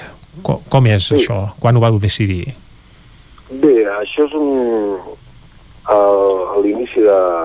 o sigui, abans de la pandèmia, per dir manera, uh mhm. -huh. es tenia molt clar que el festival de les coses que havia de fer també era apostar per uh, accions socials. Uh, abans de la pandèmia s'havien estipulat una sèrie de concerts que es farien a residències de gent gran. Evidentment això és impossible, però l'esperit d'aquesta acció social l'hem mantingut i en aquest cas doncs eh, s'ha apostat per tota la recaptació doncs, anar directa. Creiem que a més a més també són moments en què tots hem de ser conscients de tot plegat. Les persones que tenim feina tenim una gran sort, hi ha moltes persones que han quedat molt tocades i per tant qualsevol ajut creiem que és molt bo. Uh -huh. uh, Quim Termens, director artístic del Festival de Música Religiosa de Vic. Uh, parlem ara una mica del programa. Aquest cap de setmana s'han pogut seguir a tres propostes. El cap de setmana que ve en venen tres més. Les tres d'aquest cap de setmana. Tenim que divendres i dissabte a l'Església de l'Escorial de Vic, uh, tot i les restriccions i el que ens comentaves, eh, que segurament a la graella hi ha hagut d'haver canvis, hi havia dues propostes d'autèntic luxe. Uh, en aquest cas, la del Fosta i l'Adriana Alcaida van obrir el cicle amb un concert a l'Escorial. Com va anar aquest primer concert? Molt bé, molt bé, realment. Uh, molt, realment meravellós la convivència que es proposava, no?, de la música instrumental de Bach i de Pider, amb la cançó tradicional, que és l'arrel de tot plegat, va ser un autèntic uh, un gust impressionant. Mm -hmm. El dissabte es va poder gaudir d'un dels barítons de més projecció d'àmbit nacional, que és el Ferran Albric, a més a més, també. Uh, a part uh, tocava amb el quartet uh, el Leos Quartet. I mm -hmm. són, també hi ha dues persones d'aquí de, de la Marta d'Osona. El Ferran també és d'Osona. Mm -hmm. l'actor Xavi Boada que va venir doncs, també. Tots de Manlleu. Sí, són, són coses uh, també parts importants de, del festival no? donar peu també a, a formacions o a músics de, de la comarca, però també a persones joves, persones joves que estan uh, emergent en, i traient el nas en tot l'aspecte i creiem que evidentment doncs, s'ha doncs, d'ajudar que mm -hmm. això sigui possible. No? Ahir diumenge van completar el primer cap de setmana d'activitat el Nexus Piano Duo, la Mireia Fornells i el Joan Miquel Hernández, que van tocar a quatre mans el Requiem de Mozart. Un Requiem de Mozart que potser, vaja, no potser segur, que tots estem acostumats, com deies abans, a escoltar-lo amb molts i molts músics a dalt de l'escenari i ahir es va poder escoltar eh, això en una versió que molts desconeixíem a quatre mans i amb un sol piano. Mm, això estava previst ja el, per Setmana Santa o va ser una de les vaja, de, una de les sorpreses que teníeu preparades tenint en compte que som en temps de pandèmia i que no es podia portar grans formacions a cap escenari? No, precisament aquest precisament aquest ja estava previst Mhm. -huh. perquè uh, realment uh, hi ha obres importantíssimes que, que marquen, marquen. El Requiem de Mozart, evidentment, ho és, però poder-los treure o aproximar a tot arreu amb les versions que estan escrites, veiem que també és bo a nivell musical i a nivell d'obertura de, de mires en la cultura. Uh, el que sí, per exemple, l'últim concert que hi haurà, que és de la creació de Haydn, que també és un format enorme, sí que ha sigut un, uh, un, ha sigut fruit d'aquestes modificacions cap a la pandèmia, no? de, de portar-ho en un format uh, petit. És a dir, l'Orquestra de Cambra Terrassa 48, que coneixes bé perquè la dirigeixes, no estarà sencera, no la veurem sencera. No, no, no, no només, hi és, uh, només és corda, és un, uh -huh. és un encàrrec que va fer Jairan mateix a un alumne seu, uh -huh. just després d'estrenar-ho, que li passés tota la creació a corda sola, amb narrador. És clar, també són moments en què eh, gratar la història es fa bé, i la història ens marca una època, la Haydn, Mozart i companyia, en què moltes obres importants es passaven a petit format per poder-se tocar a tot arreu, perquè poguessin arribar a tot arreu. Uh, Quim, uh, deixa'm dir abans d'acabar, perquè estem a punt de, de donar pas a la pausa de publicitat, els concerts de la setmana que ve, tenint en compte que estem en estat d'alarma i amb toc de queda, hi haurà canvis horaris? Perquè en principi divendres i dissabte era dos quarts de nou del vespre, no sé si preveieu avançar-los. En aquests moments estem a l'espera d'acabar de, de sentir i de tenir notícies allò claríssimes, perquè ara també hi havia comencen a haver-hi també més rumors i preferim allò, acabar de sentir tots els rumors, saber les coses clares de la consulta i després si cal avançar a mitja hora, s'avança a mitja hora. El que està clar per això és que el Festival de Música Religiosa tirarà endavant, oi? Això segur. Quim, Quim Termens, moltes gràcies per acompanyar-nos avui a Territori 17 i moltes felicitats per, malgrat tot, haver pres la decisió de tirar endavant la setzena edició d'un festival que, com bé dèiem, ens ajuda a eixamplar l'ànima i en temps de pandèmia doncs, és molt i molt necessari. Moltes gràcies. Nosaltres ara fem una breu pausa i tornem de seguida a dos quarts en punt a Territori 17. El nou FM, la ràdio de casa, al 92.8. Només pensar en passar aquesta nit sense calefacció amb aquest fred... No es preocupi, hem analitzat a fons la caldera i de seguida quedarà reparada i en funcionament. Quan tingui un problema amb la seva caldera, vagi directament a la solució. Truqui sempre al servei tècnic oficial de Saunier Duval i despreocupis, perquè som fabricants i coneixem les nostres calderes peça a peça. Informis a Oficiat Nord trucant al 938860040. Saunier Duval, sempre al seu costat. Vols trencar amb l'oligopoli de l'IBEX 35? Apunta't al consum estratègic i comença a consumir serveis catalans. Per això et convidem a omplir el dipòsit a Petrolis Independents. A Osona ens trobaràs al polígon Mas Galí de Vic i a Centelles just després de la sortida sud. Si vols factura, entra a la nostra pàgina web petrolisindependents.cat i dona't d'alta. Comença a ser independent. Tenim la força de l'amor. Cobertes serveis funeraris. Els nostres tanatoris estan ubicats en els nuclis urbans més poblats de la comarca d'Osona per oferir un millor servei. Tanatori de Vic, Tanatori de Manlleu, Tanatori de Centelles i Tanatori de Roda de Ter. Sabem que són moments difícils i per això el nostre compromís és atendre-us en tot moment amb un tracte humà, sensible i respectuós. Cobertes serveis funeraris. Telèfon 24 hores 93 883 23 46. Anuncia't al 9FM. La màquina de casa. 9 3 8 8 9 4 9 4 9. Publicitat arroba al 9FM.cat. Anuncia't al 9FM. La publicitat més eficaç. Tens por de l'ordinador? Vine al Magí. Amb les nostres píndoles digitals aprendràs la diferència entre internet i el núvol, com utilitzar el mòbil i les apps, i si ets professor dominaràs el Classroom. Sessions totalment pràctiques, fàcils i interactives. Som a Vic, telèfon 693 75 05 07 o també ens pots visitar al magí.cat. Inscripcions obertes. La Fogonera, resistència gastronòmica. És un restaurant? És un rostidor? És La Fogonera, la cuina en directe des de GURB, on encarregues, ho vens a buscar i ara també t'ho portem a casa. La Fogonera, resistència gastronòmica. Ara, amb la fogonera de dia, amb aperitius, arrossos, segons plats i postres. I quan cau la nit, ens transformem en un popurri culinari. Búrguers, pizza, pasta... Truca al 93 851 55 75 o entra a lafogonera.cat. La Fogonera, el teu aliat gastronòmic. El 9 FM, el 9 FM, el 9 FM, el 9 FM. Dos quarts de d'onze en punt del matí d'aquest dilluns, dia 26 d'octubre de 2020, dia en què Isaac Moreno, molt bon dia, molt bona hora, bon, bona dia. hora, bon de tot, a les 10 de la nit a casa i tancats, eh? Sempre. No sé si les piulades van una mica per aquí o no. Les piulades, Hi ha no, tot. no hi ha toc de queda encara, les piulades, però sí, però Sí, des de parlen. casa se'n poden anar fent eh, Exacte. a l'hora que es vulgui, això és evident. Sí, tot i que algun poder s'hauria de contenir una mica. Bé, algú, o alguns en plural jo ja Sí. ho faria, però vaja, tant és. Si no, no podríem fer la secció si es continguessin tots. No, no, per però els tant. que seleccionem nosaltres són continguts. Val, fantàstic. Marta Serrarols és la directora de, de l'equip d'atenció primària del Remei. Mhm. Diumenge 25 d'octubre de 2020, quarts de nou del vespre, acabem de tancar dades Covid fins a divendres. 241 positius. En 15 dies hem triplicat, tot i deixar-hi la pell, treballant per torns dissabtes i diumenges per gestionar-ho, amb la sensació que per més que fem, no ho aturem.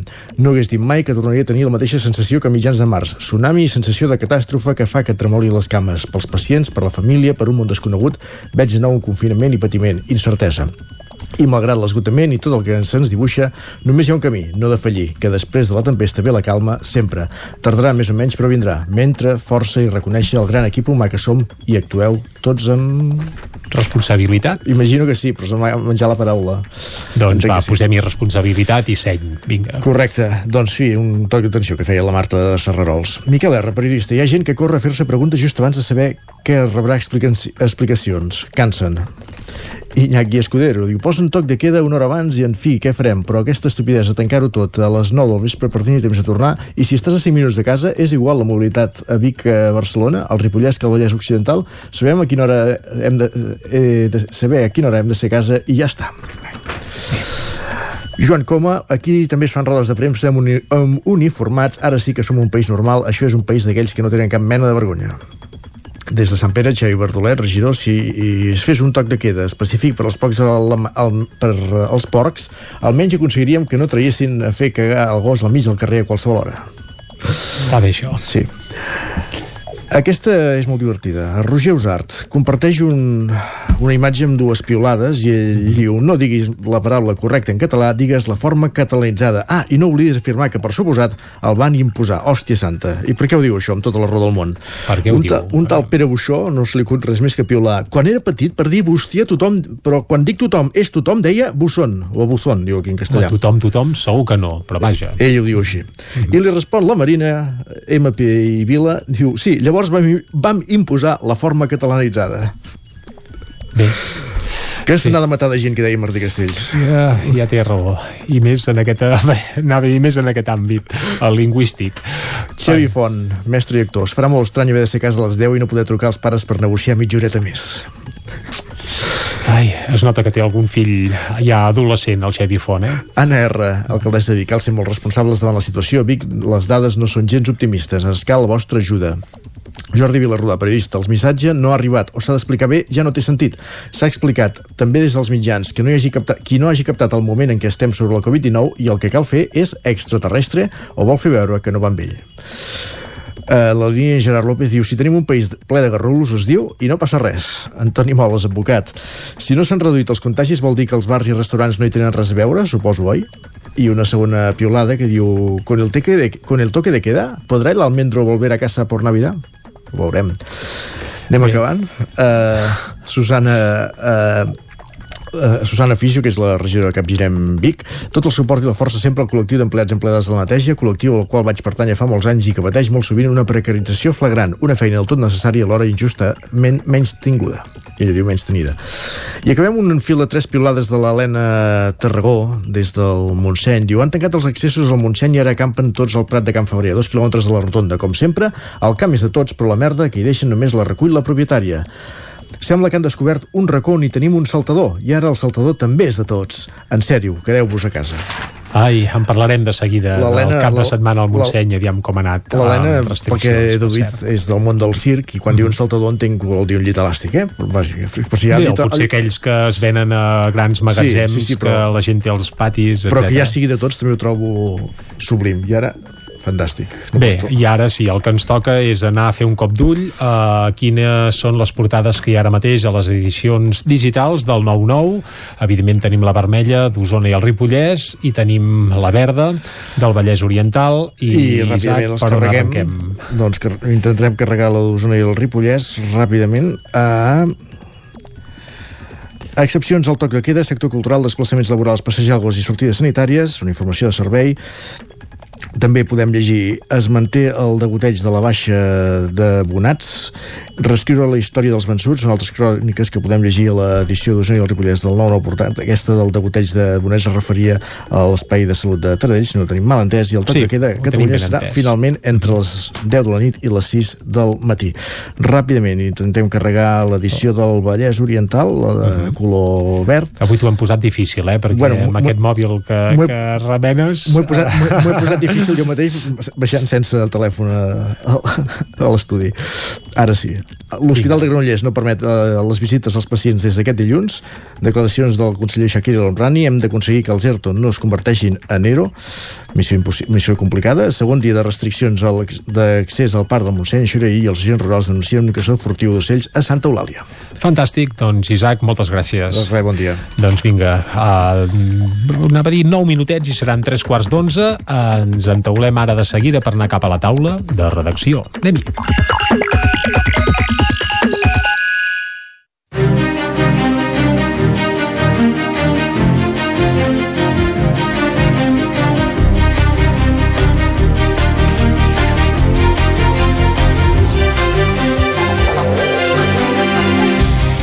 Una taula de redacció que avui anirà de Guillems, perquè parlarem amb el Guillem Rico i el Guillem Freixa. En concret, amb el Guillem Rico parlarem de les restriccions que hi ha hagut aquest cap de setmana al Montseny, restriccions que, tal com veiem a les piulades amb l'Isaac Moreno, doncs no han servit perquè no s'hi atansin eh, excursionistes al cap de setmana al Montseny. Després, amb Guillem Freixa, el que farem és parlar d'una xifra esfereïdora, i és que en 5 anys s'ha doblat la xifra de persones a Osona que demana ajuda per la seva addicció a la cocaïna. Per arrencar, però, parlarem amb el Guillem Rico. Guillem, molt bon dia. Hola, bon dia. Aviam, aquest cap de setmana, com ha anat el Montseny? Era el primer cap de setmana amb restriccions, amb els aparcaments eh, limitats, eh, no sé si hi ha hagut menys visitants o no. Uh, els aparcaments plens, uh -huh. hi ha hagut menys gent, gent també que potser han deixat el cotxe més lluny i ha més tros, uh, però en general deien que aquestes mesures i en aquests controls socials i limitació també de, dels aparcaments, doncs, semblava que fer uh. Carai, Guillem, no, perdona, Guillem, no t'escoltem gaire bé. Uh, no sé si estàs perdut al mig del Montseny o pujant al No, Matagalls. no, No, eh? Ara, no? Aviam, uh, provem-ho de nou. Uh, endavant, Guillem.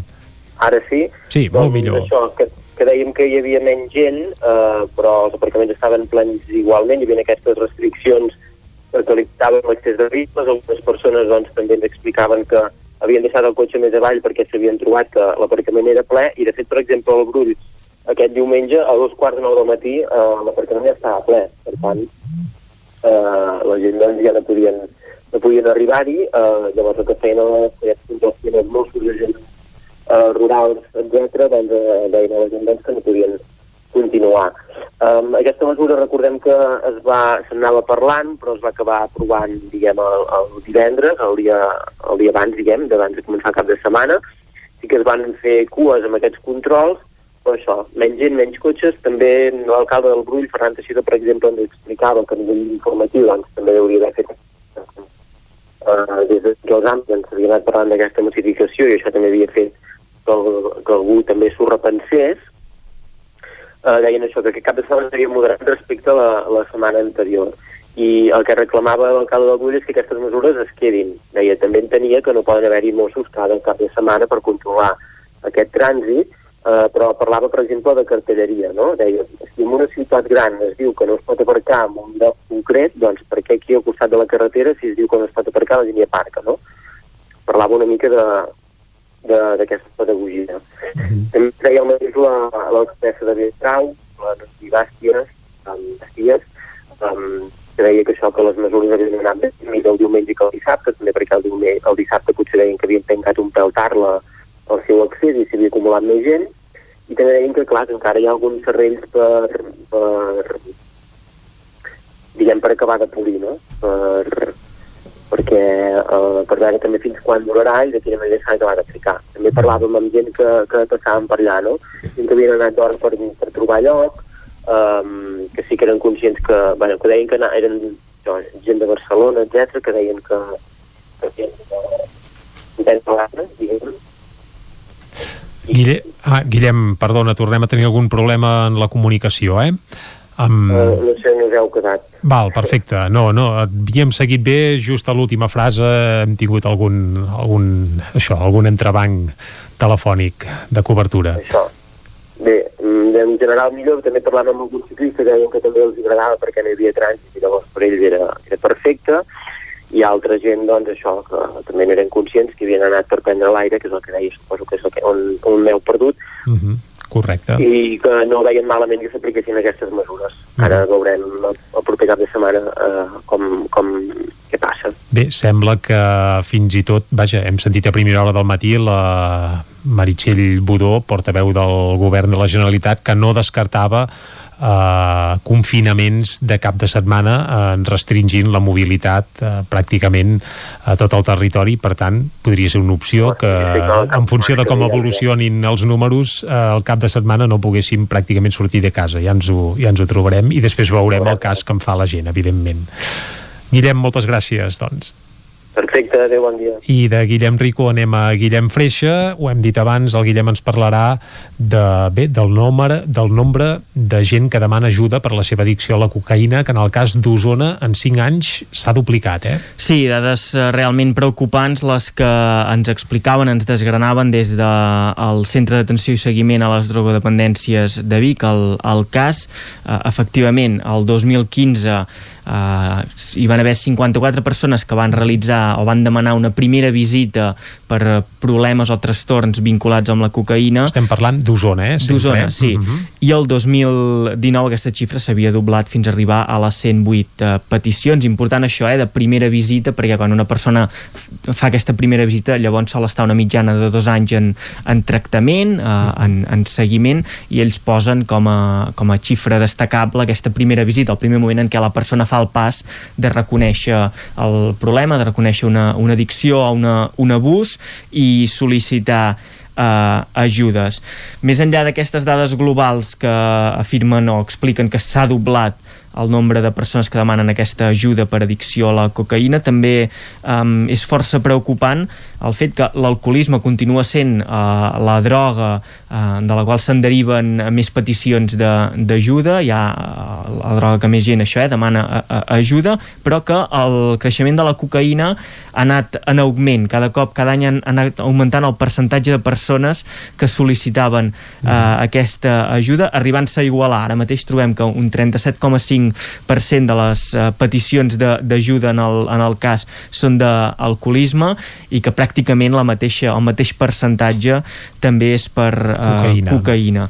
Això demostra que l'alcoholisme té una tendència, una petita tendència a la baixa, la cocaïna en canvi experimenta aquesta corba ascendent i també ens deien des del de, cas que són dues substàncies, la cocaïna i, i l'alcohol, que es potencien una a l'altra, que molt, moltes a vegades... vegades van de bracet, eh? o la majoria de vegades van de, de bracet, provoca que gent que consumeix alcohol acabi consumint cocaïna o gent que consumeix cocaïna per eh, rebaixar els efectes de, de la cocaïna eh, prengui alcohol, per tant és com una retroalimentació d'aquestes dues um, substàncies. Vam parlar amb Jordi, o hem parlat amb, amb Jordi eh, Verdaguer, eh, psicòleg clínic del, del cas, i ens deia que cal posar èmfasi en el moment en què es comença a experimentar en drogues, que apareixen oportunitats de, de provar drogues, normalment vinculats en, en ambients d'oci, en ambients de, de, de discoteques, de concerts, d'àmbit de, de l'oci. Ara mateix, en aquest sentit, és Sí. complicat que hi hagi Això. gaires interaccions en aquest àmbit. Sí, és, és això, estem vaja. parlant d'estadístiques del Sí, 2019, sí, sí. per tant, serien Evident, amb, any, evident. amb any tancat, i ens diu que això, eh, que la cocaïna en un principi era una droga amb certa connotació elitista, reservada Mhm. a classes socials altes, amb un cost molt car, però que en els últims anys eh, doncs, ha anat eh, arrelant també en tots els estrats eh, socials, en totes les eh, parts de la, de la societat, i que els joves que comencen a experimentar amb les drogues doncs, tinguin cada vegada també un accés més fàcil en aquesta substància. Mm, remarcava que hi ha recursos per eh, deixar aquesta addicció, el cas de Vic n'és n'és un, el, el centre de suport i acompanyament, hi ha també Osonament, que també ofereix aquesta, aquesta atenció, o els, els CAPs, els centres d'atenció primària, on eh, des del metge de família també es poden detectar primers episodis de que alguna cosa no va bé, que hi ha certa addicció i vam poder també contactar amb un testimoni amb una persona que havia eh, estat addicta a la cocaïna ho va aconseguir deixar posava l'èmfasi sobretot amb la força de voluntat i també deia eh, aquest engany del jo controlo que... Això és un, un clàssic i un tòpic, eh? Sí. A l'hora d'arrencar i de començar les addiccions, tothom controla. Exacte, que la majoria de persones que comencen amb algun abús, amb alguna, a provar alguna substància com la cocaïna, com la marihuana, com el mateix eh, alcohol, eh, fan servir aquesta frase de, de jo controlo, que ell es va trobar que ho va començar provant per curiositat,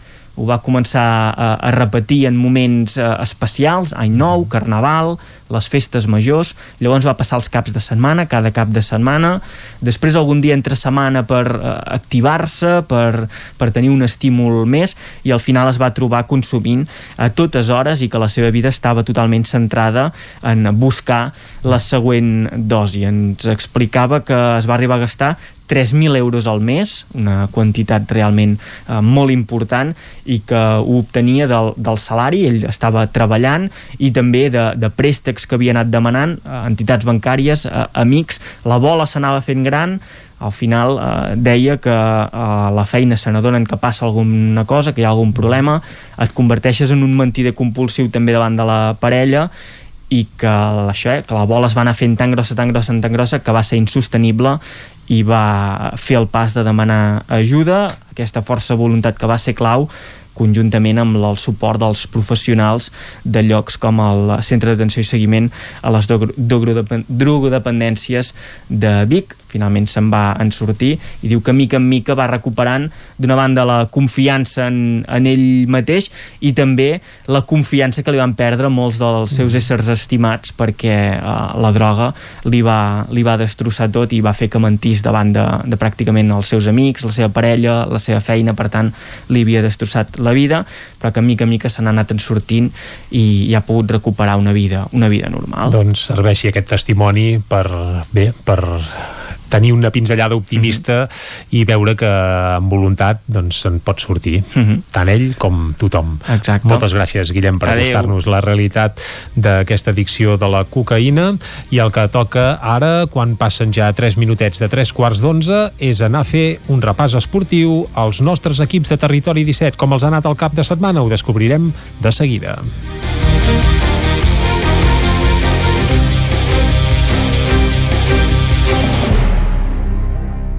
Territori 17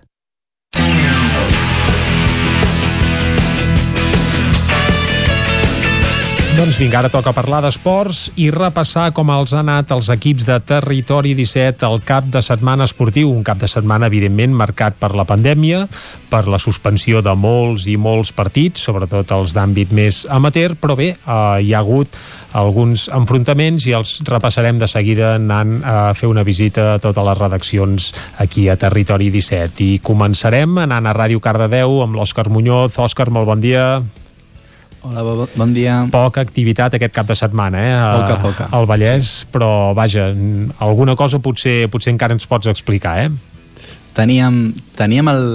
Bueno, estàvem a la, a la Lliga Sobal, uh -huh. que tampoc està en el millor moment de la Lliga, ja que cap de setmana només s'ha pogut disputar un partit de la jornada 10, un divendres, de tots els que hi havia previstos, comuni... eh? Només un. Exacte, sí. Just divendres que us vam comunicar hi havia un partit dissabte, doncs al final el Comitè Nacional de Competició va confirmar la petició del Granollers d'ajornar aquest partit de la jornada 10, uh -huh. ja que hi havia un cas de, de Covid a la plantilla i el confinament de diversos jugadors. Així que l'únic partit que podíem parlar una miqueta el tenim, es va cancel·lar al final. Carai, doncs déu nhi uh, És evident que la pandèmia no afecta només el dia a dia, vaja, laboral, social, etc, sinó sobretot també, per exemple, l'esportiu, com s'ha pogut comprovar aquest cap de setmana a Cardedeu. Òscar, moltes gràcies. O tenim alguna altra cosa, Òscar, que ens volies comentar? No, no, ja estaria. Fantàstic. Doncs vinga, de Ràdio Cardedeu ens n'anirem ara cap a Ona Codinenca per saludar la Caral Campàs. Caral, molt bon dia. Hola, bon dia. M'imagino que en el vostre àmbit geogràfic també poca activitat, eh? Sí, poca activitat. Tenim hoquei. Okay. Et recordar que dels tres equips que tenim per aquí a la zona eh, ja vam anunciar divendres que el Sant Feliu havia ajornat eh, el partit d'aquest cap de setmana per un positiu en el seu adversari, que era el Ribas Club de Madrid. Eh, bé, aquest equip madrileny eh, es va haver de confinar eh, en detectar-se un positiu per coronavirus a la seva plantilla i també comentar que amb aquest ajornament el Sant Feliu només ha pogut jugar una de les tres jornades de la Lliga Plata Sud eh, des de que ha començat Uh, aquests dos, mm, a més a més, perdó, uh, el primer partit que havia de jugar, uh, que era contra l'Alcobendas, es va suspendre, però ja tenim dates per a aquests partits uh, suspesos. Bé, dates en que principi... cal agafar, suposo, amb pinces, exacte, eh? Però vaja. Exacte. No, no, no, però de moment avancem-les, avancem-les. Sí, mira, en mm. principi, uh, aquest primer partit mm, que havia de jugar contra l'Alcobendas uh, el jugarà el dissabte a les 5 de la tarda uh mhm. -huh. i el conjunt codinenc ha de tornar a Madrid el 14 de novembre per competir a la pista de les Rozas i aprofitarà el viatge per jugar contra aquest del Ribas, que era, que era aquest que havia de jugar aquest cap de setmana. Per tant, en principi, dissabte vinent a les 5 de la tarda a l'Alcobendas i el 14 de novembre amb les Ribas, aquests dos, aquestes no, dos noves dates. Tant de bo es puguin disputar aquests enfrontaments. Exacte, -huh. Exacte ja us anirem actualitzant aquesta informació. I bé, els altres dos equips, el Vigas i Riells femení i el Caldes, mm, no han tingut bona sort aquest cap de setmana, han, han perdut tots dos. Bé, depèn des de um, l'òptica que ens ho mirem, per exemple, el Vigas... Clar, el Voltregà, exacte. El Vigas i Riells va perdre, però bé, a, aquí ens agrada el que perdi va guany... el Vigas quan juga amb el Voltregà, esclar. sí, mira, us comento una mica. Um, clar, i, i, realment el Vigas ha notat també aquest inici de Lliga irregular, que també ha pogut jugar pocs partits, ha passat moltes setmanes també tancats a casa sense poder entrenar, va començar la Lliga ja molt més tard per un positiu dins del propi equip del Vigas, però bé, um, aquest cap de setmana va perdre davant del Voltregà per 0 a 4 Uh, I bé, els quatre gols van venir precedits de jugades força similars, de pèrdues o de passades en posteriors talls. Uh -huh. uh, el primer gol va venir de la visitant Arche eh, i va ser molt matiner i també va afectar psicològicament les bigatanes eh, que no es van refer em, em fa gràcia que diguis cop. les bigatanes perquè suposo que les jugadores del Voltregà com que saben que les del Vigas es diguen Clar. bigatanes potser anaven especialment motivades en aquest sentit, però vaja, perdona l'acudit és molt dolent, no. però té, té gràcia sí, sí, la gent sí. de Vigues eh, són bigatans o bigatanes en aquest cas, sí Exacte, Vigues i Riells, Bé. bigatans i, i Vic també bigatans també, també en B baixa, en el ah, cas de Vic, però vaja. En B baixa, sí. Bé, aquest uh, partit va acabar, com dèiem, aquest 0 a 4. A la represa el Vigas va tenir uh, algunes opcions per posar-se, situar-se, almenys entrar dins del partit, però no es van materialitzar uh mhm. -huh. en cap uh, tipus de gol i dos uh, encerts a porteria de Barceló van sentenciar el partit.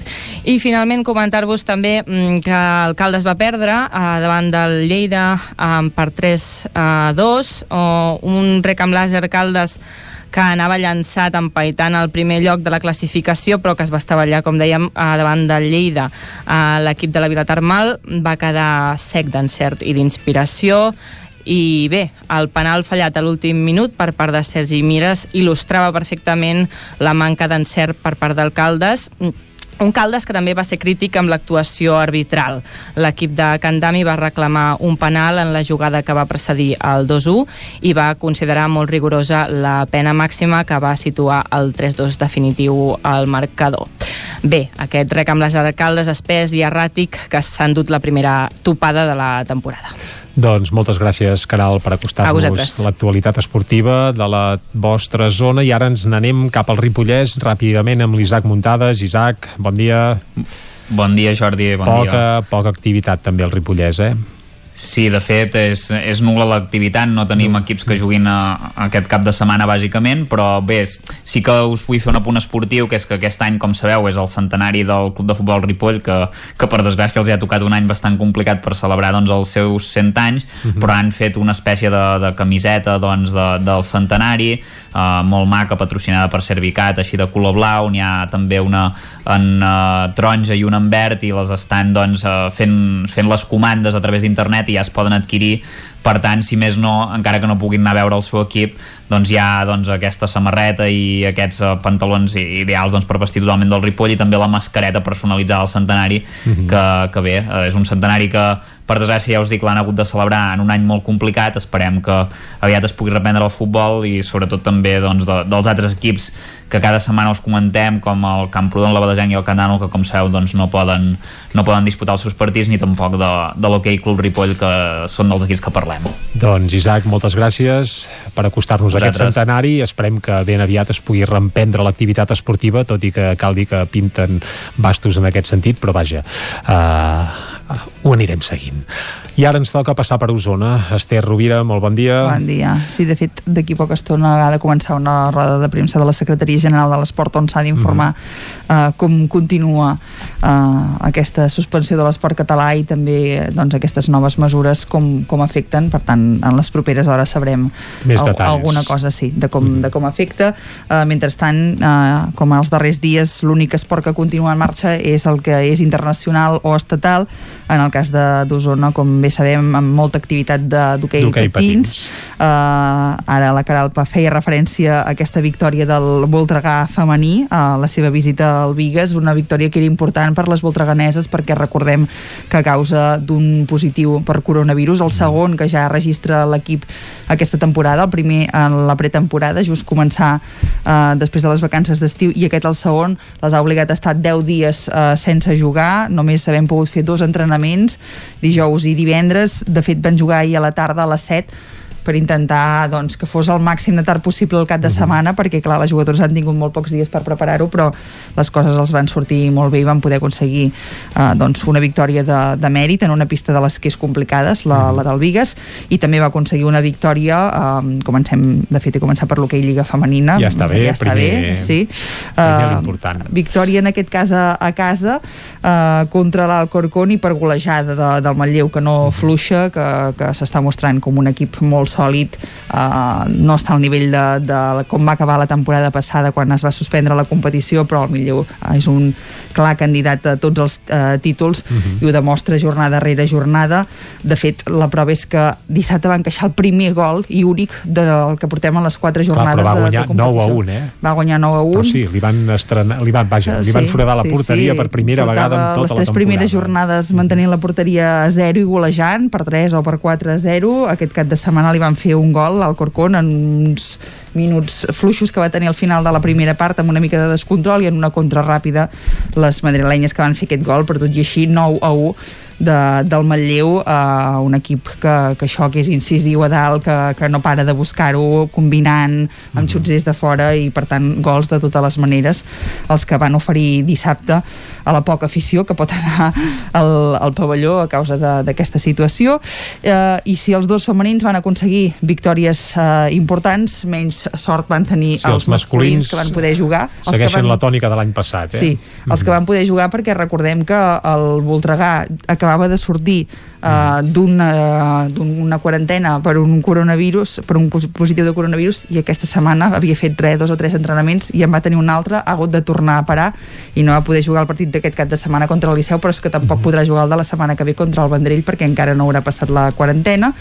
I el Manlleu d'hoquei Lliga Plata el seu és un cas ja pobre digne d'estudi perquè eh, l'hoquei Lliga Plata va començar fa tres jornades i els manlleuencs encara no han pogut debutar perquè eh, cada setmana el seu rival ha tingut algun eh, positiu o estava pendent, com és el cas d'aquest cap de setmana, que el seu rival era l'Areces, estava pendent d'un positiu del rival de la setmana anterior que tenien símptomes, Mhm. però per evitar el desplaçament i que un cop fossin aquí els diguessin que sí que eren positius i no podien jugar, que és el que li va passar al, Manlleu femení al Manlleu la setmana femení la setmana passada. passada. Mhm. Van acordar dijous de ja donar per replaçat el partit i així tenien temps de cancel·lar els vols i l'hotel i no tenir una pèrdua econòmica tan grossa pel, pel club. Per tant, Voltregà i Manlleu sense jugar i els que sí que ho van fer van ser el Vic i el Taradell. Amb el poca cas fortuna de, tots sí, dos, eh? Poca fortuna. En el cas del Vic, un càstig gros perquè van perdre 0 a 7 contra el Reus Deportiu, que sí que és veritat que és el nou líder de, de l'hoquei Lliga i els viquetans que són el, el QE, però bé, en tot cas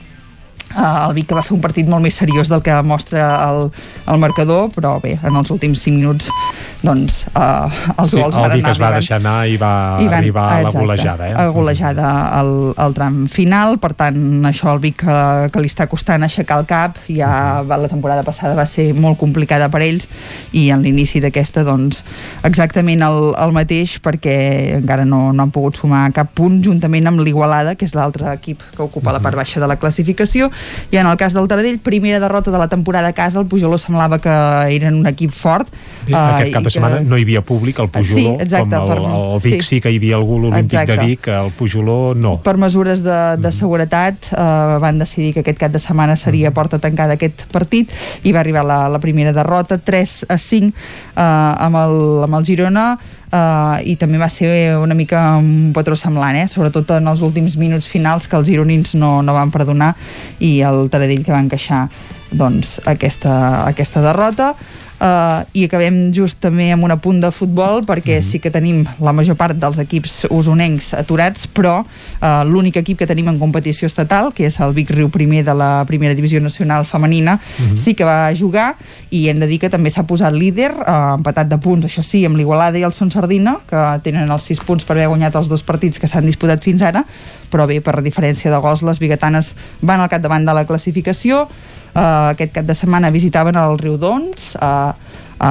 Tarragona, i van guanyar per 1 a 2 en un partit que va ser molt igualat, això sí, es van avançar les biguetanes, les tarragonines van empatar de penal i no va ser fins al final que van poder tornar a avançar-se. Uh, bon partit i valoració positiva d'aquest Vic que això amb dues jornades ha pogut aconseguir dues victòries que duri. Que duri, aviam, esperem. I sobretot que duri la possibilitat de poder que seguir fent jugar. enfrontaments. Exacte. Exacte. Esther Rovira, moltes gràcies. Gràcies a vosaltres. I passant per Osona, acabem el repàs esportiu del cap de setmana.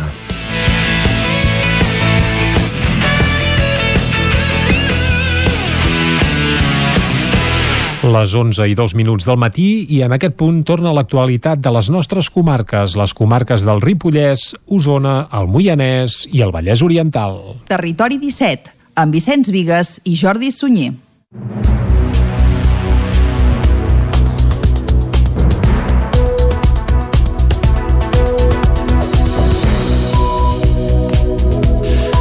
Aquesta passada nit ha estat la primera amb toc de queda a Catalunya. Cap al retard en l'anunci de la mesura, ahir eh, s'ha aplicat en aquesta primera nit amb caràcter pedagògic, és a dir, que no hi ha hagut sancions. La reducció de la mobilitat nocturna s'aplicarà a partir d'ara des de les 10 de la nit fins a les 6 del matí.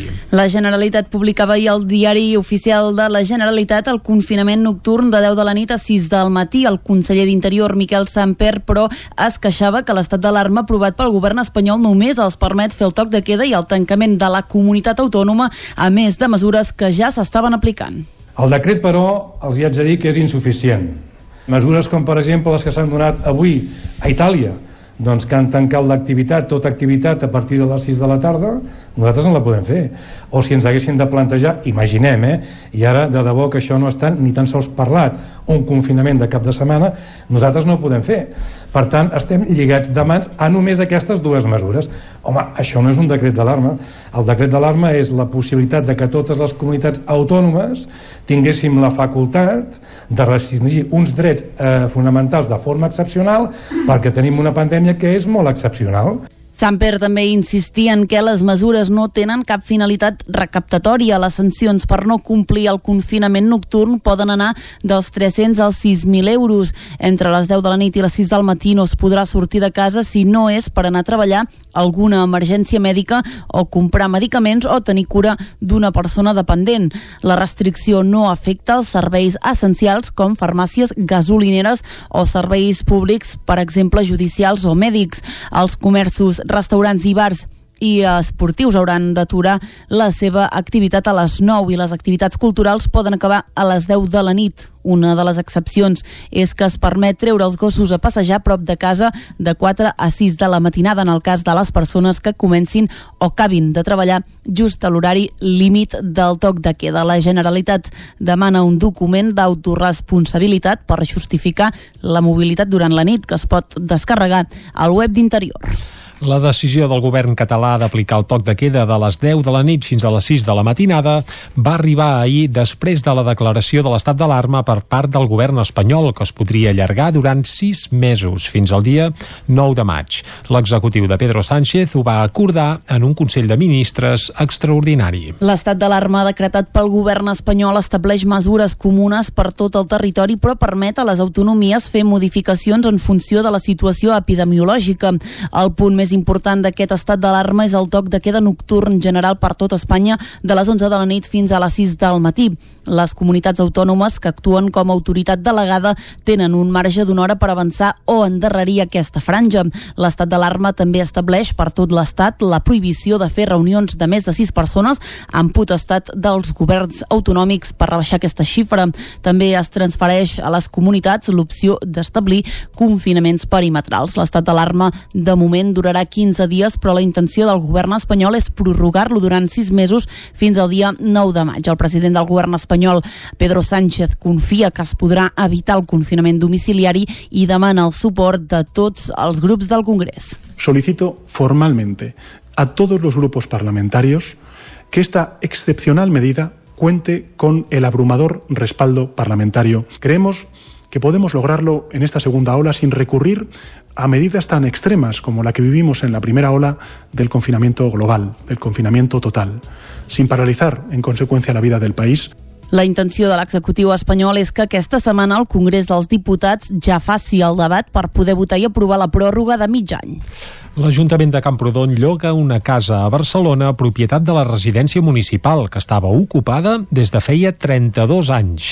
Isaac Muntades, des de la veu de Sant Joan. Ara fa una setmana que l'Ajuntament de Camprodon va signar el contracte de lloguer d'una casa de Barcelona propietat de la residència geriàtrica municipal L'Hospital i va posar fi a una situació irregular que ja era un tema històric del consistori. Per entendre els fets cal remuntar-se a l'any 1988, quan dues àvies de la residència van deixar en herència al geriàtric una petita casa d'una sola planta del carrer d'Utger de la capital catalana. El problema residia en que quan van anar a fer la visita es van trobar que estava ocupada per una família i no els van poder treure. La situació es va anar encallant i al principi aquestes persones no volien negociar res, però amb el pas del temps s'ha pogut trobar una solució. Després de 32 anys, l'Ajuntament ha estat negociant aquests darrers mesos amb la família per tal de signar un contracte de lloguer totalment legal per regularitzar la situació, ja que segons explicava l'alcalde Xavier Guitart, han viscut allà molts anys totalment de franc. Amb la signatura d'aquest contracte, el geriàtric n'és el principal beneficiat. Quin benefici porta això? Bueno, primer de tot un petit ingrés econòmic per la residència i segon de tot, que per mi és la part més important, que és l'aclariment de que la finca és propietat del geriàtric. I això per nosaltres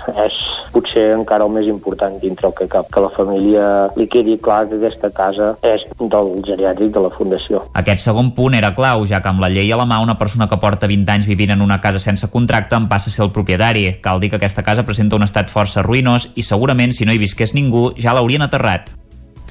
La Fundació Impulsa engega el curs becant 10, alum 10 alumnes del Moianès per la seva formació professional de primer grau mitjà.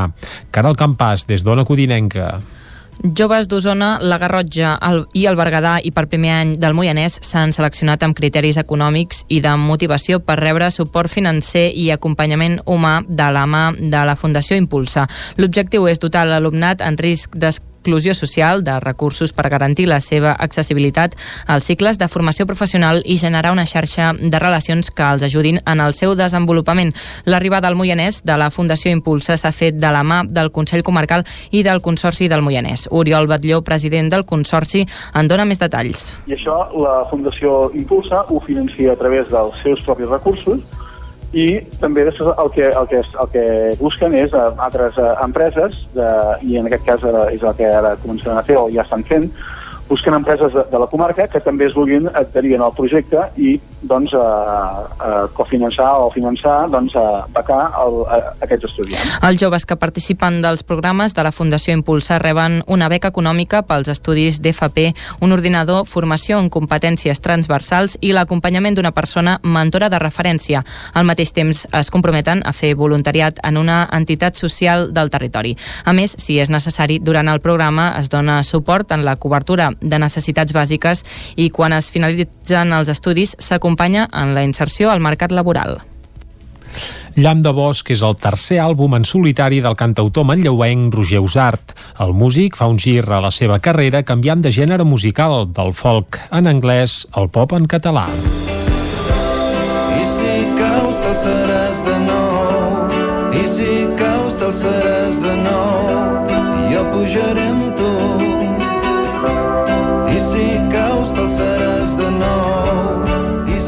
El cantautor manlleuenc Roger Usart ha estrenat el seu darrer disc Llamp de Bosc ajornat a l'estiu a causa de la pandèmia. Produït per Jordi Casadesús, el disc presenta novetats respecte a la seva trajectòria anterior. Si abans el seu estil recordava el folk d'aire americà, ara s'acosta al pop i una mica al rock. Una altra novetat és el canvi idiomàtic de l'anglès al català. Roger Usart ho explicava al programa La Tremolla del Nou TV. Durant el procés d'escriure de, de, les lletres, uh -huh. eh, en què ho estava fent inicialment en anglès, i, i em vaig frustrar una mica amb algun tema perquè realment tenia ganes de ser més precís amb allò que deia i al final vaig dir que carai, vaig a fer un català que és la meva llengua, és la que més domino i, i, i pot ser molt maco també. Del disc en destaca la cançó La vida que pren un cant a l'optimista i a l'amistat. El videoclip ja estrenat a l'estiu es va gravar a Manlleu i serveix d'homenatge a la cultura pop dels anys 80. Després de l'estrena a principis d'octubre, l'Atlàntida Usar presentarà el disc en directe al novembre a Barcelona. La setmana passada el Teatre Auditori de Cardedeu va acollir una nova aula de cultura amb Albert Salines per fer un repàs a la història de la música electrònica. David Auladell, de Ràdio Televisió de Cardedeu. L'Albert Salinas va estudiar pròtesis dental, però amb 25 anys va fer un canvi de rumb i va començar a estudiar de nou per dedicar-se a la música electrònica. Ara s'hi dedica plenament i, de fet, és el fundador del segell discogràfic Lapsus. La música electrònica viu amb nosaltres des de fa uns anys i està estretament lligada a la nocturnitat, la festa, l'alcohol i les drogues, però va ser sempre així. El compositor musical Albert Salinas ha fet un repàs de la història de la música electrònica per intentar desestigmatitzar-la i fer veure que pràcticament tot el que escoltem actual és música electrònica i ha vingut per quedar-se. Albert Salinas, compositor musical. Nosaltres, els de la meva quinta, no? els que tenim tocant als 40, doncs hem viscut en famílies on no s'escoltava música electrònica.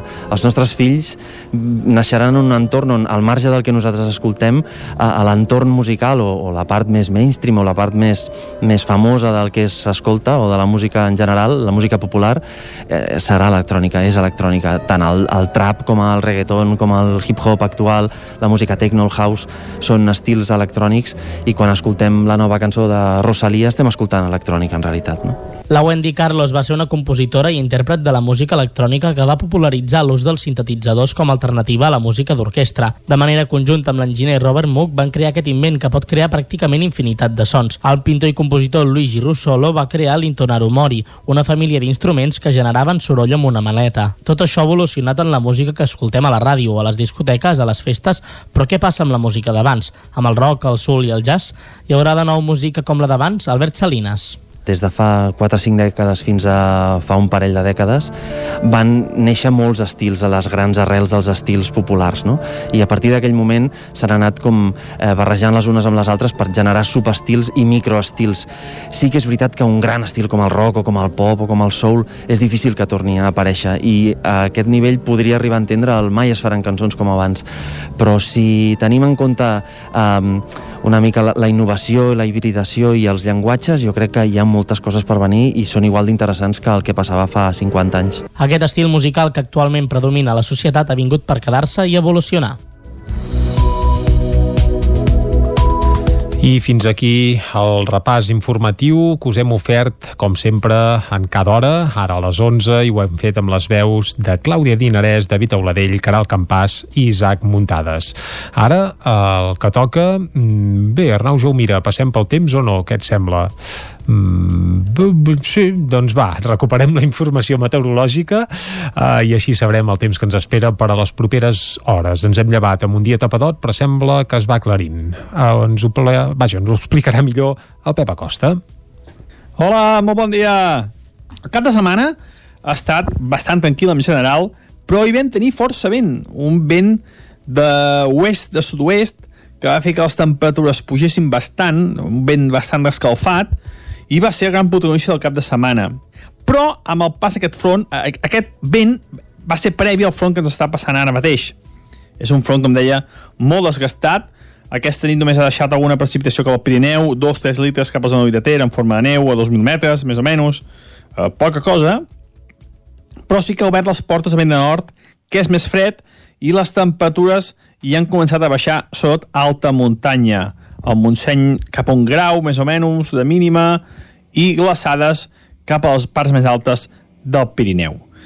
En el dia d'avui, aquest front què farà? Això, com he dit ja dues vegades, que entri vent de nord i de cara a la tarda és possible alguna tempesta, alguna tempesta cap a la zona del Montseny, a la zona de les Guilleries, no és impossible, tot i que és difícil que caiguin, eh? Cuidado, eh? Aviso que poder no cauran. Si és que arriben a caure, com a molt, 5 o 10 litres. Poca cosa. I les temperatures màximes baixaran. Baixaran precisament perquè tenim vents més freds, més freds i baixaran una mica. Les màximes seran entre els 15 i els 21-22 graus com a molt. Val a dir, mm, tinc... Depèn de, de què us agradi, tinc bones o males notícies pel que fa el temps els pròxims dies. Ara em avanço, eh? Avui ha quedat clar, eh? Passa aquest front, eh, poc actiu, vent de nord, més fred, alguna tempesta de tarda cap a la zona del Montseny i, i eh, unes temperatures més baixes i sol i núvols a moltes zones. Eh? No està un dia tapat ni molt menys, eh? El que estic dient, un front poc actiu. Moltes gràcies i demà ens tornem a escoltar. Adéu, bon dia. Vinga, Pep, va, demà més. Moltes gràcies. I ara el que toca és descobrir algun nou treball d'àmbit nacional que ens acostarà avui l'Arnau Jaumira. Ho descobrirem de seguida. Fins ara mateix. Casa Tarradellas us ha ofert aquest espai. Territori 17. Envia'ns les teves notes de veu per WhatsApp al 646 079 023. 646 079 023. WhatsApp Territori 17.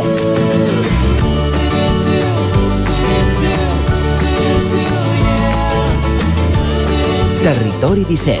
Som a Facebook, Twitter i Instagram amb l'usuari Territori 17.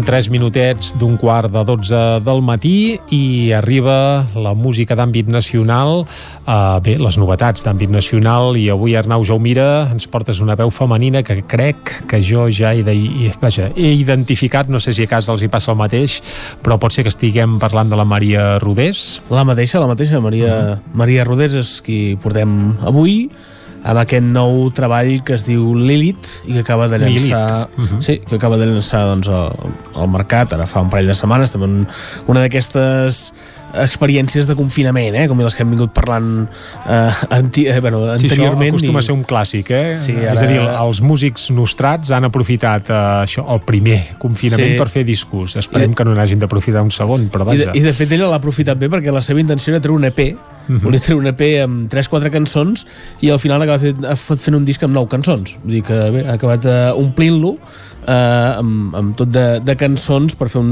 un, disc, un disc més llarg del que en principi doncs tenia, els tenia que som de la pensat. vella escola ho agraïm, perquè aquesta moda de fer EPs eh, costa, eh, de, de pair o d'engolir, però vaja, Sí, escolta, cop- contra gustos no hi ha res eh? escrit, eh, però, però està bé que es facin discos com els d'abans, almenys que durin Sí, tres són- quartets. Són o més curts, sí, perquè 9 cançons mm -hmm. tampoc és un disc molt llarg, però bé, és un... Bé, ara potser l'estàndard potser estan 12 no? O 10, eh? 10, sí, potser ha baixat una mica 10 també és S'ha s'ha que- retallat un pèl, eh? Últimament, Sí, sí, sí. almenys els artistes nostrats acostumen a fer discos, ara penso al darrer dels Pets, de Sopa, tots són amb 10 peces, però vaja. Sí, sí, no, eh, no segur, s'està sempre hi ha tendint a retallar, però Sí. eh, millor això que no pas un, un EP, com dèiem. Uh, Lilith. O, o no, a vegades sí, val més depèn un EP sigui que, exacte, que tampoc ens hem de saturar de segons què ni omplir per omplir, eh? però vaja, això seria un altre debat. Sí, Anem a la- parlar en el cas del- de Maria Rodés no, jo penso No, no no, és és el el cas, cas, no és el cas. és una, una molt bona artista que bé, doncs en aquest, en aquest disc tracta una mica al voltant de tot el tema de les, de les bruixes, eh? S'ha anat a, a, buscar tot el tema de, relacionat amb les, amb les bruixes, també una manera de, de defensar el paper de les, de les dones, no? Perquè doncs, les bruixes molts cops eren dones desterrades, no? Dones que es considerava que eren massa intel·ligents o que sabien massa i se les considerava que eren unes, unes bruixes, no? I de fet Lilith és la, bé, és la que, que es considera una mica la, la primera bruixa, no? I que ja apareix en llibres històrics de primera dona d'Adam que va abandonar l'Eden, per tant és un tema ja de... Va deixar Adam perquè, bàsicament, perquè no es volia sotmetre a ell, deia. eh? Sí, correcte, Això correcte. és el que diu la tradició jueva, suposo. Sí, sí, sí, se'n va anar a la Mar Roja on es va liar amb el diable, no? I llavors doncs, això està considerat una, una bruixa i doncs Maria Rodés ha buscat els orígens de tot, aquest, de tot el tema del, de les bruixes escoltàvem ara, segurament aquesta cançó també ja, ja parla d'això, perquè es diu, el que escoltàvem fins ara Carta al Diablo, que és la, la, la cançó que ha presentat amb un, amb un videoclip un videoclip eh, gravat al Cap de Creus i que fa doncs, una, un homenatge a la bruixa preferida de, de Maria Rodés, que és la Lídia de Cadaqués, que és una història que va fascinar doncs, a la- a a l'artista. On dèiem, escoltat aquest, aquest Carta al Diablo, el que podem fer ara és escoltar un altre d'aquests temes, en aquest cas l'únic que hi ha en català d'aquests nou, que es diu Les bruixes tornen, Mhm. i que és el, un dels temes que va ser el primer que va avançar just abans de, de treure el disc aquest Les bruixes tornen, l'escoltem si et sembla I tant, escoltem un bon fragment i a més ja sento el violoncel de fons que a més Sí, és un violoncel qui és, sí. territori 17 em sembla eh? això mateix, de seguida ho expliquem va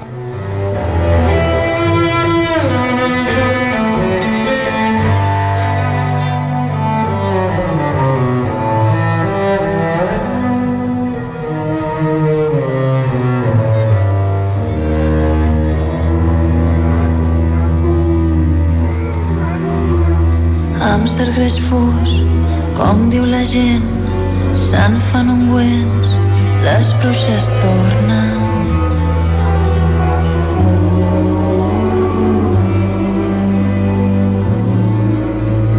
Moltes s'apleguen, de Déu reneguen, un boc adoren, totes l'honoren.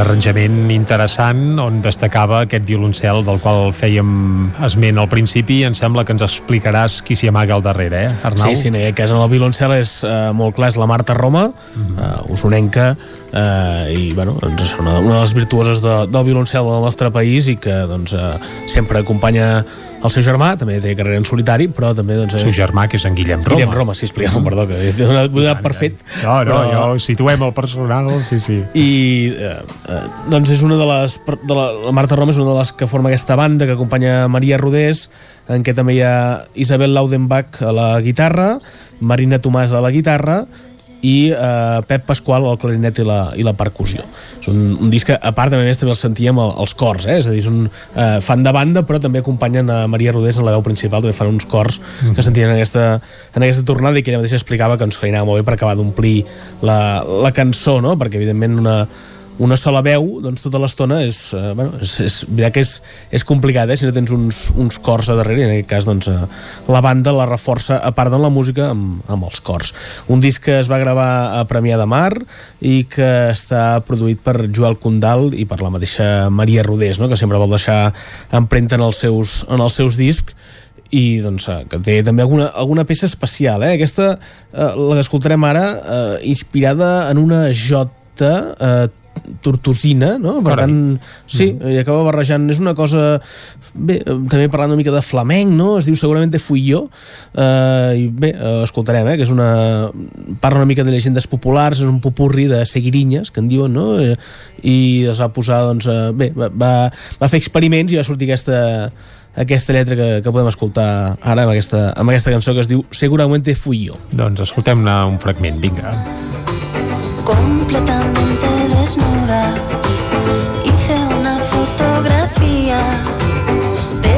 salido vacía. Seguramente fui yo la que se lo imaginó. Seguramente fui yo la que se lo inventó. Oí sonar el pandero alrededor del caldero. Después una melodía a ritmo de seguidilla.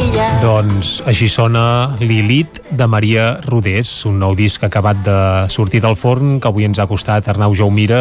Arnau, moltes gràcies. A vosaltres. Un disc molt aconsellable, eh? Sí, sí, sí. I ara que venen dates de, bé, anava a dir de confinament i Nadal a la cantonada, doncs estaria bé posar-la a la carta dels Reis o el tió o el que faci falta. Molt bé, Arnau, t'esperem dilluns que ve amb més novetats. Moltes Això gràcies. Adéu. Vinga, fins ara. Seguim a Territori 17. D'aquí una mica una pausa i tornarem a dos quarts en punt aconsellant-vos excursions per Catalunya. Fins ara. Con una sonrisa rara y una mentira en la cara. Seguramente.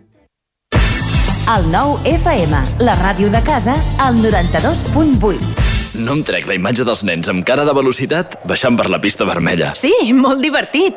I quin fred. Uh. Tranquil·la, he deixat l'estufa encesa i, i la casa està calenta. Sempre tenim sort de comptar amb Corretja. Són especialistes en aïllaments i estufes. Acabar la jornada d'esquí amb la família al voltant de l'estufa i amb aïllaments de primera és 100% corretja. Corretja. Tot i més a corretja-sl.com. Només pensar en passar aquesta nit sense calefacció amb aquest fred? No es preocupi, hem analitzat a fons la caldera i de seguida quedarà reparada i en funcionament. Quan tingui un problema amb la seva caldera, vagi directament a la solució. Truqui sempre al servei tècnic oficial de Saunier Duval i despreocupis, perquè som fabricants i coneixem les nostres calderes peça a peça. Informis a Oficiat Nord trucant al 93 886 0040. Saunier Duval, sempre al seu costat. El nou FM. Cobertes serveis funeraris. Els nostres tanatoris estan ubicats en els nuclis urbans més poblats de la comarca d'Osona per oferir un millor servei. Tanatori de Vic, Tanatori de Manlleu, Tanatori de Centelles i Tanatori de Roda de Ter. Sabem que són moments difícils i per això el nostre compromís és atendre-us en tot moment amb un tracte humà, sensible i respectuós. Cobertes serveis funeraris. Telèfon 24 hores 93 883 23 46. Cocodril Club. Si t'agrada la bona música dels anys 60, 70 i 80, escolta el 9 FM als matins de dissabtes i diumenges d'11 a 1. És el temps del Cocodril Club, tot un clàssic de la ràdio, amb les bases del pop-rock, les llegendes, les cançons que s'han convertit en autèntics himnes. Recorda, dissabtes i diumenges al matí, d'11 a 1, al 9 FM 92.8. Cocodril Club. El programa revival de l'Albert Malla. Hasta luego.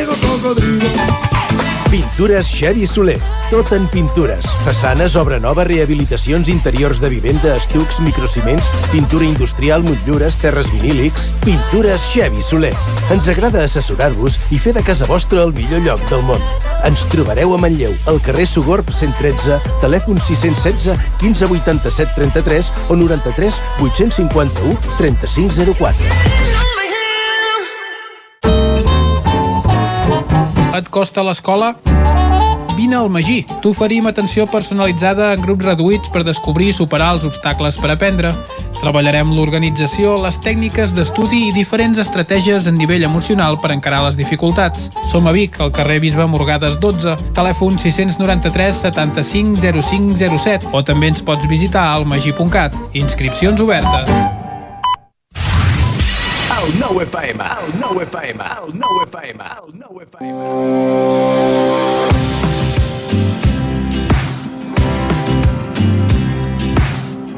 Nova setmana, nova comarca. Ens aixequem avui després d'un toc de queda i amb una situació complicada per anar a visitar i gaudir de les comarques. Així que aquestes recomanacions d'indrets feu-les sempre de manera responsable, evitant les aglomeracions amb distància mans, mascareta, amb grups reduïts i un llarg etc. I si no, sempre us podeu apuntar a l'agenda per fer-ho més endavant. Aquesta setmana us porto la comarca del Solsonès.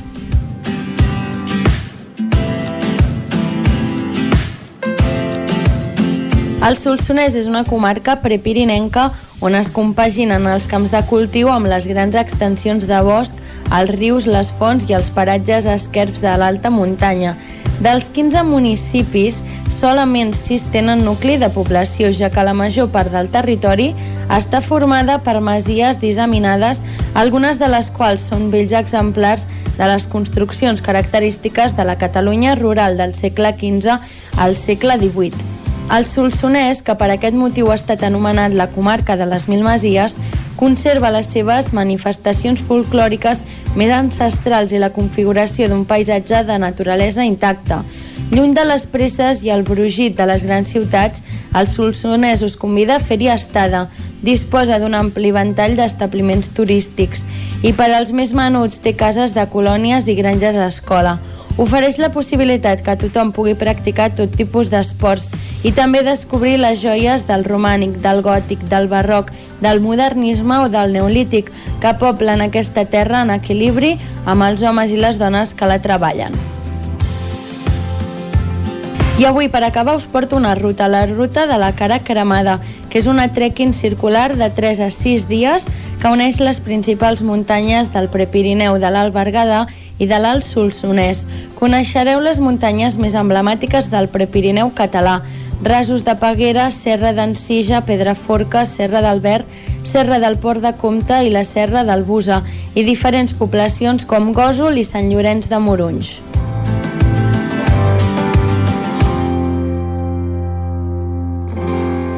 Territori 17 i el Solsonès eh, millor que no hi fem cap eh, perquè clar, evidentment amb les actuals situacions sanitàries que estem visquent al nostre país, però vaja, està bé anar esmolant les eines, fer un bon llistat i quan s'acabi tot plegat doncs poder anar a descobrir comarques tan properes i tan interessants com aquesta, com el Solsonès. I ara el que toca és anar cap a la R3 cada dia a Trenc d'Alba, ens hi acostem aquí a Territori 17, avui també. Anem-hi.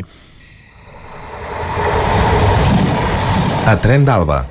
Cada dia els usuaris de la línia R3 de Rodalies que veuen sortir el sol des d'un vagó ens expliquen les gràcies i les penes del primer comboi que uneix Ripoll i Barcelona.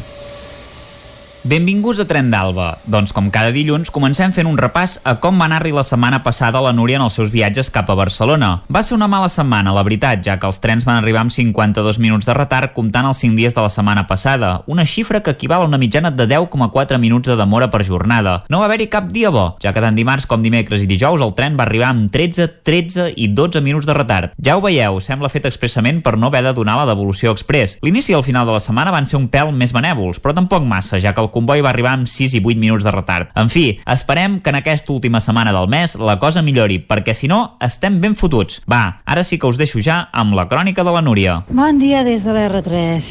Avui el tren ha sortit 3 minuts tard i ha arribat 7 minuts tard a destí. Això del canvi d'horari és una cosa que fa que eh, alguns dies, només els primers dies després de fer el canvi d'horari, et puguis llevar un horari que sembla que vas més tard i que el sol surt abans i que fa menys fred fred i totes aquestes coses que fan quan realment si et llevessis una hora tard no caldria canviar l'horari i podries disfrutar de tot això. Avui fa un dia esplèndid, diria jo, no fa quasi gota de fred, no hi ha humitat, diuen que aquest vespre sí, per tant abriguem-nos bé, que sembla que vol ploure.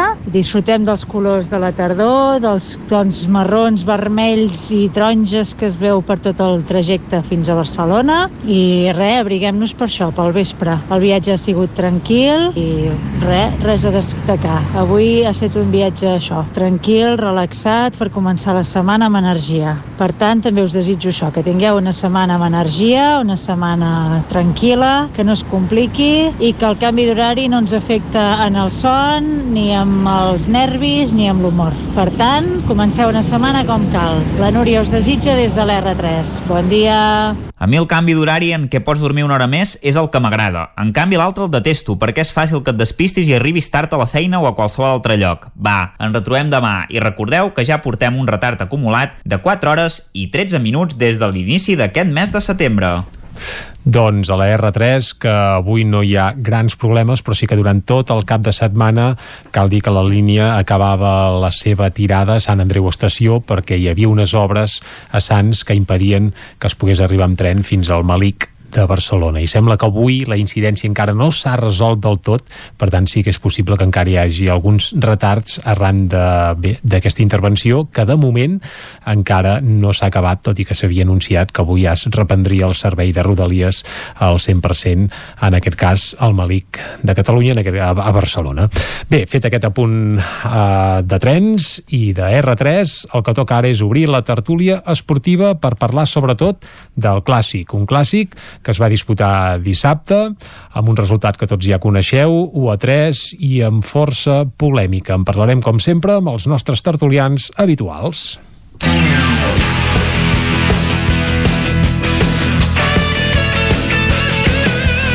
I els nostres tertulians habituals són el Lluís de Planell, Perico, bon dia Lluís. Bon dia. El Guillem Freixa, que és culer, també amb simpaties pel Girona, Bon mig dia. gironí també, bon dia Guillem. I també tenim a l'Isaac Muntades, que en el seu cas seria, bé, del Camp de Bànol, suposo, en primer lloc, però també del Madrid, eh? Isaac, molt bon dia. Bon dia, ja a la Madrid. Vinga, vinga, visca, visca. Uh, comencem per aquí. És evident que és, uh, bé, el la notícia esportiva del cap de setmana va ser un clàssic descafeinat perquè es va jugar sense públic, sense el caliu habitual, sense poder anar al bar a seguir-ho amb els amics, tampoc, per tant tothom el va haver de viure des de casa, suposo que és el cas de tots vosaltres, i amb un resultat, home, uh, no sé si amb polèmica o no, segurament l'Isaac ens dirà que no, però aquí el bar hi va posar força cullerada i jo m'imagino que fa 3 o 4 anys amb segons quin àrbit el partit no hagués acabat 1 a 3 però vaja, això en tot cas ho hauran d'assegurar els nostres tertulians. Com ho valoreu Com hauria acabat, com hauria acabat. doncs no sé, potser amb un 3 a 1 Amb segons quin àrbit, que hi havia àrbits a favor del Barça. Hi havia No, a favor no, a Ah. favor no se n'ha vist mai cap d'àrbit a favor Que del no, Barça. deia, No, home, no, on vas a Ostres. parar, Lluís? Obre, sense, el bar, sense el bar sí que segurament, no? Sense el bar, no? Entenc que era això, eh? El que... Aquí, aquí anàvem a parar, sí, sí. Clar, a mi m'ha agradat això de- d'un clàssic eh, descafeinat sense públic, però amb robatoris bastant habituals, no? Perquè eh, l'acció del bar... Jo, o sigui, Uh, compro que el Barça no està bé que, ah no, això és evident que no, no. juga, que no juga bé que tampoc es pot uh, amagar les deficiències del Barça per decisions arbitrals però jo crec que el d'aquest uh, cap de setmana mm, no sé, força escandalós perquè uh, la jugada a l'àrea, l'Englet sí que té la mà sobre de Sergio Ramos però és que està fent un marcatge d'un córner. Jo crec que amb els si en un cap de setmana hi ha, no sé 250 córners en el futbol professional o primera divisió eh, en el 95% hi han contactes entre els eh, jugadors.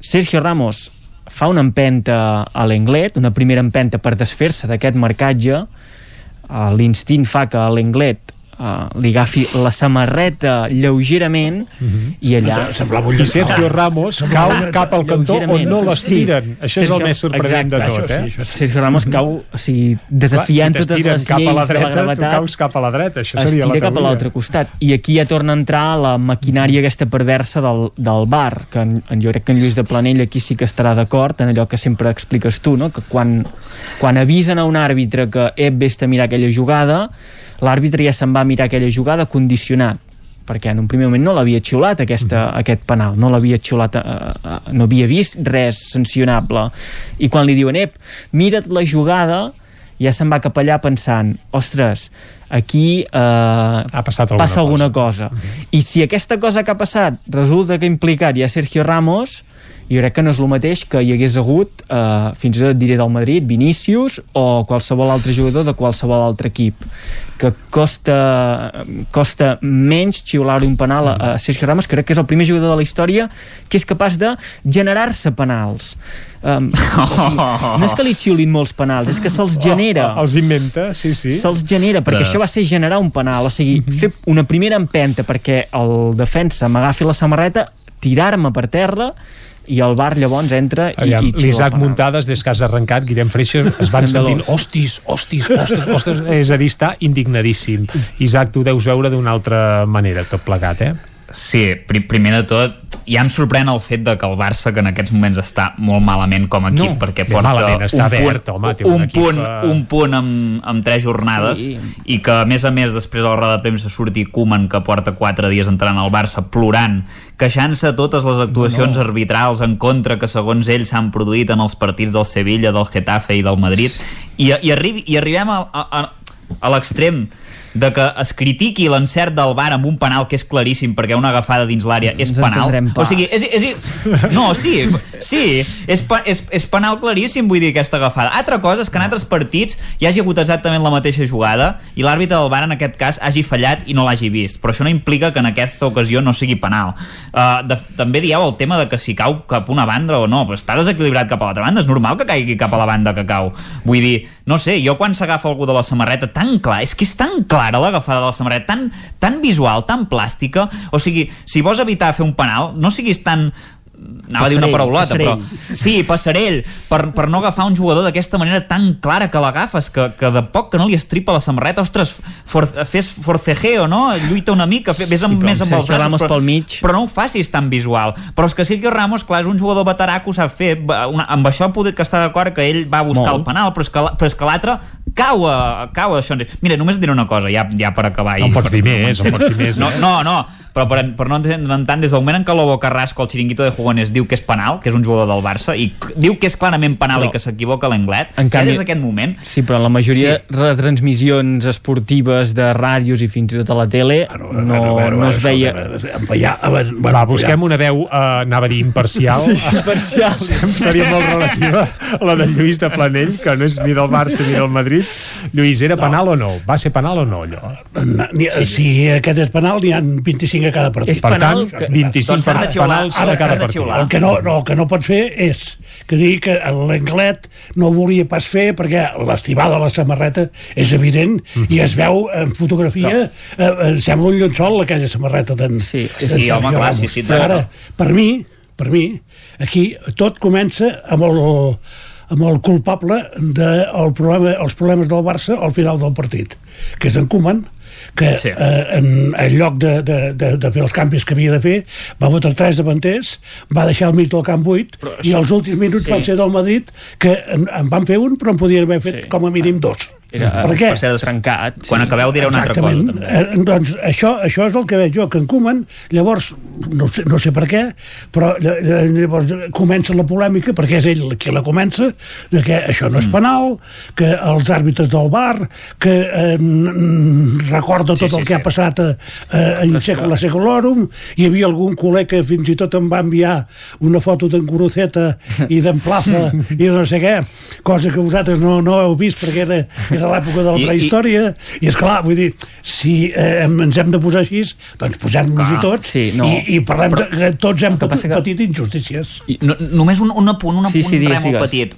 per, per l'any passat, que ara que comentava en Lluís el tema de Gorosset, hauríem de posar la foto de l'àrbitre de l'any passat, que es va menjar dos penals, aquests molt clars sobre Baran, a l'àrea, una que va acabar amb els tacos clavats a, a la cama, i un altre que també el van estivar de la samarreta molt clarament, i, i aquests tampoc ens en recordem, o el penal també de- d'aquell famós 5 a 0, que amb 1 a 0 al marcador, Cristiano Ronaldo va rebre un penal claríssim de Valdés. Des del 2007 Ui, de que al Madrid Valdés, no li xiulen? Cristiano, no li xiulen un penal al Camp Nou en partit de Lliga. En Copa n'hi va haver una, un altre més que també era molt clar, que sí que el van xiular, però des del 2007 que no en xiulen un, un penal en, uh, en Lliga. 13 anys, eh? I el Barça, aneu a comptar tots els penals que li han xiulat al Bernabéu en els últims temps. Jo, com a mínim, ara ja me'n surten dos només en un partit. Eh, trepitja Només molt l'àrea, el Barça. També això és... eh, I, i el Madrid no, el Madrid, el. Madrid no. És veritat. No, jo... Digues, Guillem. No, uh, més enllà de tirar d'aquesta maroteca i d'aquesta memòria prodigiosa que tens, Isaac, per recordar Per segons què. polèmiques.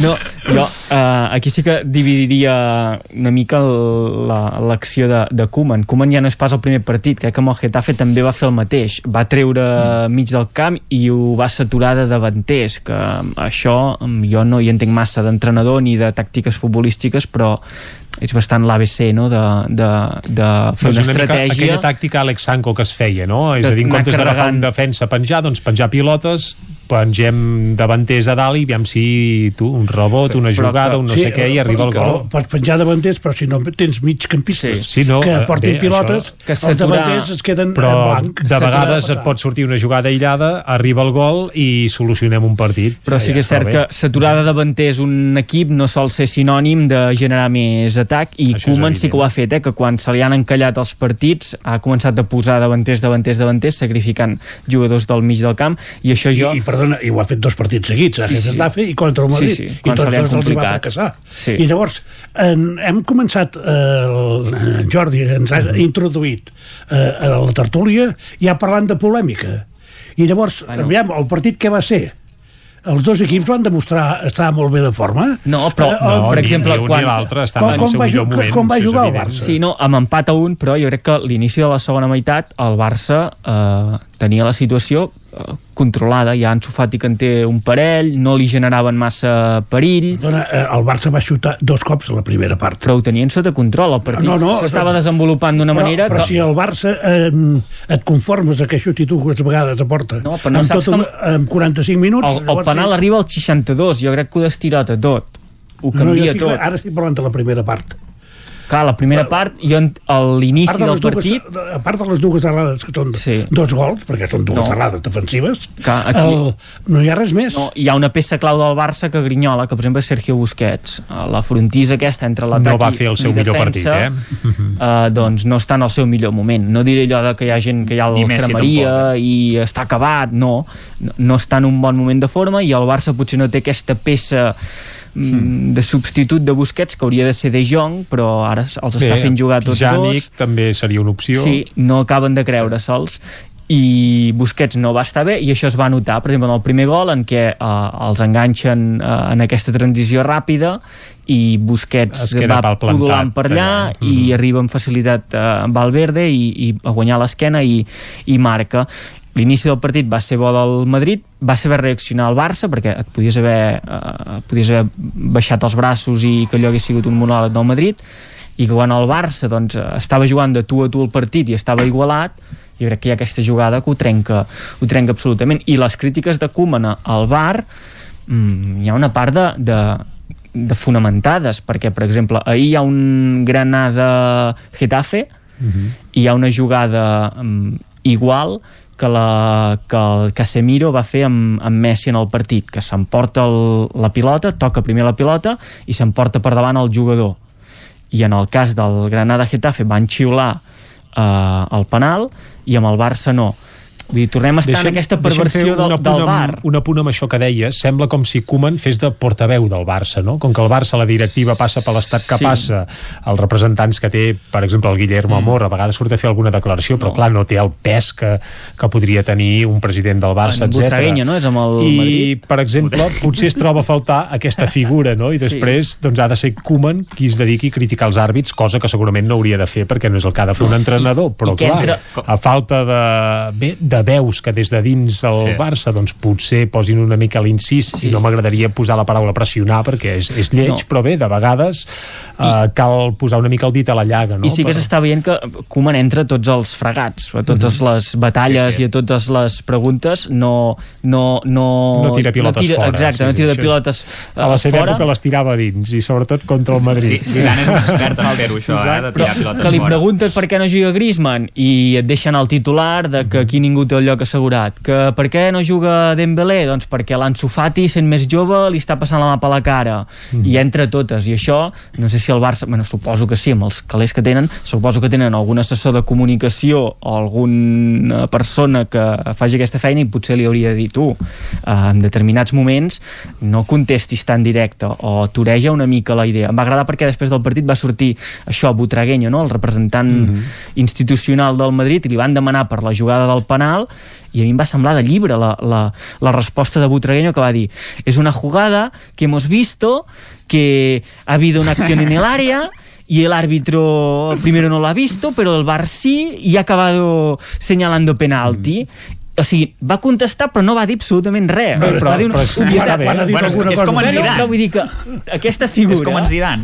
En determinats moments, doncs, potser s'ha de tenir... I Koeman ha d'aprendre també a, a jugar això. Cap, I... això una cosa és que ho digui el Butragueño, que és, Sí. sí. entre cometes, el representant institucional del Real Madrid i qui fa decles o declaracions després dels partits o les mitges parts, sí. i el Barça no té aquesta figura no. de més pes i, quan l'havia i tingut no? també a vegades havia generat algun incendi, no? perquè em sembla durant un temps va ser Bé. Greta Cós, que va dir allò de Messi que no sé No, què, no però no l'ha acabat de tenir mai No l'ha tingut mai un butragueño. Eh, no. Clar, aquí potser faria falta, però això seria un altre debat, eh? Un Puyol fent aquest paper, Bueno, un, perquè- un jugador històric del Barça amb un pes, amb un carisma, Tots i que pugui grans fer de jugadors- representant institucional de, de, del, del club, vaja. la majoria de grans jugadors del Barça de les últimes dècades o dels últims 15 anys la majoria no estan vinculats al, al Barça, no? I la majoria han acabat malament. També. O no han acabat bé del tot, com per continuar no en volen vinculats saber. al club. Sí, sí, Piqué ho va dir fa poc, diu, sí. Sí. noms com Xavi, Puyol, Sí, sí. Guardiola haurien d'estar d'alguna manera vinculats al club. Bueno, perquè ja forma part d'aquest estira i arronsa que hi ha ara, o d'aquesta mala maror que respira també a nivell institucional en el, en el Barça i a nivell esportiu mm, s'ha perdut el clàssic però jo crec que tampoc és decisiu a mi em hagués fet més mal, Ah, per no, exemple, clar. perdre la primera jornada de Champions això sí que em hagués fet em hagués, em hagués fet més cuissó perquè... Oh, hi ha un equip que ho va fer, eh? Perdre la primera Bueno. jornada de Champions, Isaac, muntades. Sí, però Sí. bueno, és a la, a la Champions també hi ha marge de maniobra, en canvi la Lliga... Uh, a la Lliga ser hi ha marge, molt. a la Lliga Pla. Sí, hi ha marge de maniobra, però clar, ja has perdut contra el rival directe. Vull dir, jo, jo Sí, confio però- que el Madrid a la Champions es pot guanyar tranquil·lament els altres partits i mai ha quedat eliminat en fase de grups. No serà pas aquest 2020 la primera vegada. I No, menys després de que. Hazard hagi entrat a la convocatòria per sorpresa de tots, quan es pensava que ja no tornaríem fins al desembre, per tant ja tenim un altre jugador que està, que està endollat i a punt doncs, per, Sí, per endollat i a catapultar... Ja, sí, això perquè s'hauria si de està- veure ara està- sobre el camp, no? Sí, sí, sí, sí, segur. Oh, N'estic, sí, jo sí. confio molt, jo confio Hazard. molt en Hazard. és el Dembélé del Madrid Hazard. No, però Bueno, us- hauràs de reconèixer, Isaac, que tant el Madrid com el Barça estan fitxant jugadors amb uns preus elevadíssims. Que no, Bueno, el Madrid no li fitxa ningú. No, no, però la el Madrid aquest any no ha sí. fitxat la ningú. temporada passada Els últims Sí, anys, sí, el sí, Jovic sí, sí, no, els últims anys. i el, i el, Ostres, Jovic, el, sí. el, aquest, El Hazard. i, i, i d'altres i d'altres jo, jo amb Hazard crec que ha estat més pel tema de les lesions. En el cas de Jovic, clarament es va equivocar el Madrid i hauria d'haver fitxat Haaland. Vull dir, això, o, o, o, o fer algun esforç més per, per Mbappé, això està claríssim, però vull dir, no, no sé, jo ara mateix, el Madrid almenys ha, ha reaccionat, eh, té, té jugadors per fer-ho, i en canvi veig en, en el Barça que no n'hem parlat, i jo penso que és important dir-ho, el tema de Messi, que Messi en aquesta lliga doncs està una mica eclipsat, està com moix, no? Té, Bueno. Suposo que, jo crec que vol marxar, no? Vols dir que no? Que, per no mi en Messi de ha, marxat i- una mica ja Sí, jo, Ja- ja, ja jo el veig una una mica mica fora. fora, El que eh? passa que també amb el I- que comparem Messi, clar, comparem amb un jugador que no sé pas quan anava No, clar, a, a més d'un gol per partit de mitjana. No? En sí, Messi. Sí, no, no, evidentment, eh? vull dir que clar, Messi eh, malament pot ser millor que molts jugadors, però ostres, jo el veig una mica, no sé, apàtic, una mica després d'encaixar el tercer gol, la cara que feia, Home, de dir, ostres, no en què fregau, en què fregau me metió quedándome, no? Un altre any. Ja saps els diàlegs. Això és la teva interpretació, Saps els eh? diàlegs de, de Messi al camp. No, però, però sí, sí que se li veia aquesta cara d'ostres i ara a més a més que la, la, ell, ell que està frisant perquè marxi la junta directiva i ara han demanat, em sembla, a la Generalitat que, que, que s'aplaci el bueno. vot de censura Sí, o avui que, també no s'apuntava voti. que hi ha la Sí. possibilitat que dimiteixi la Junta avui mateix. Eh, Sí.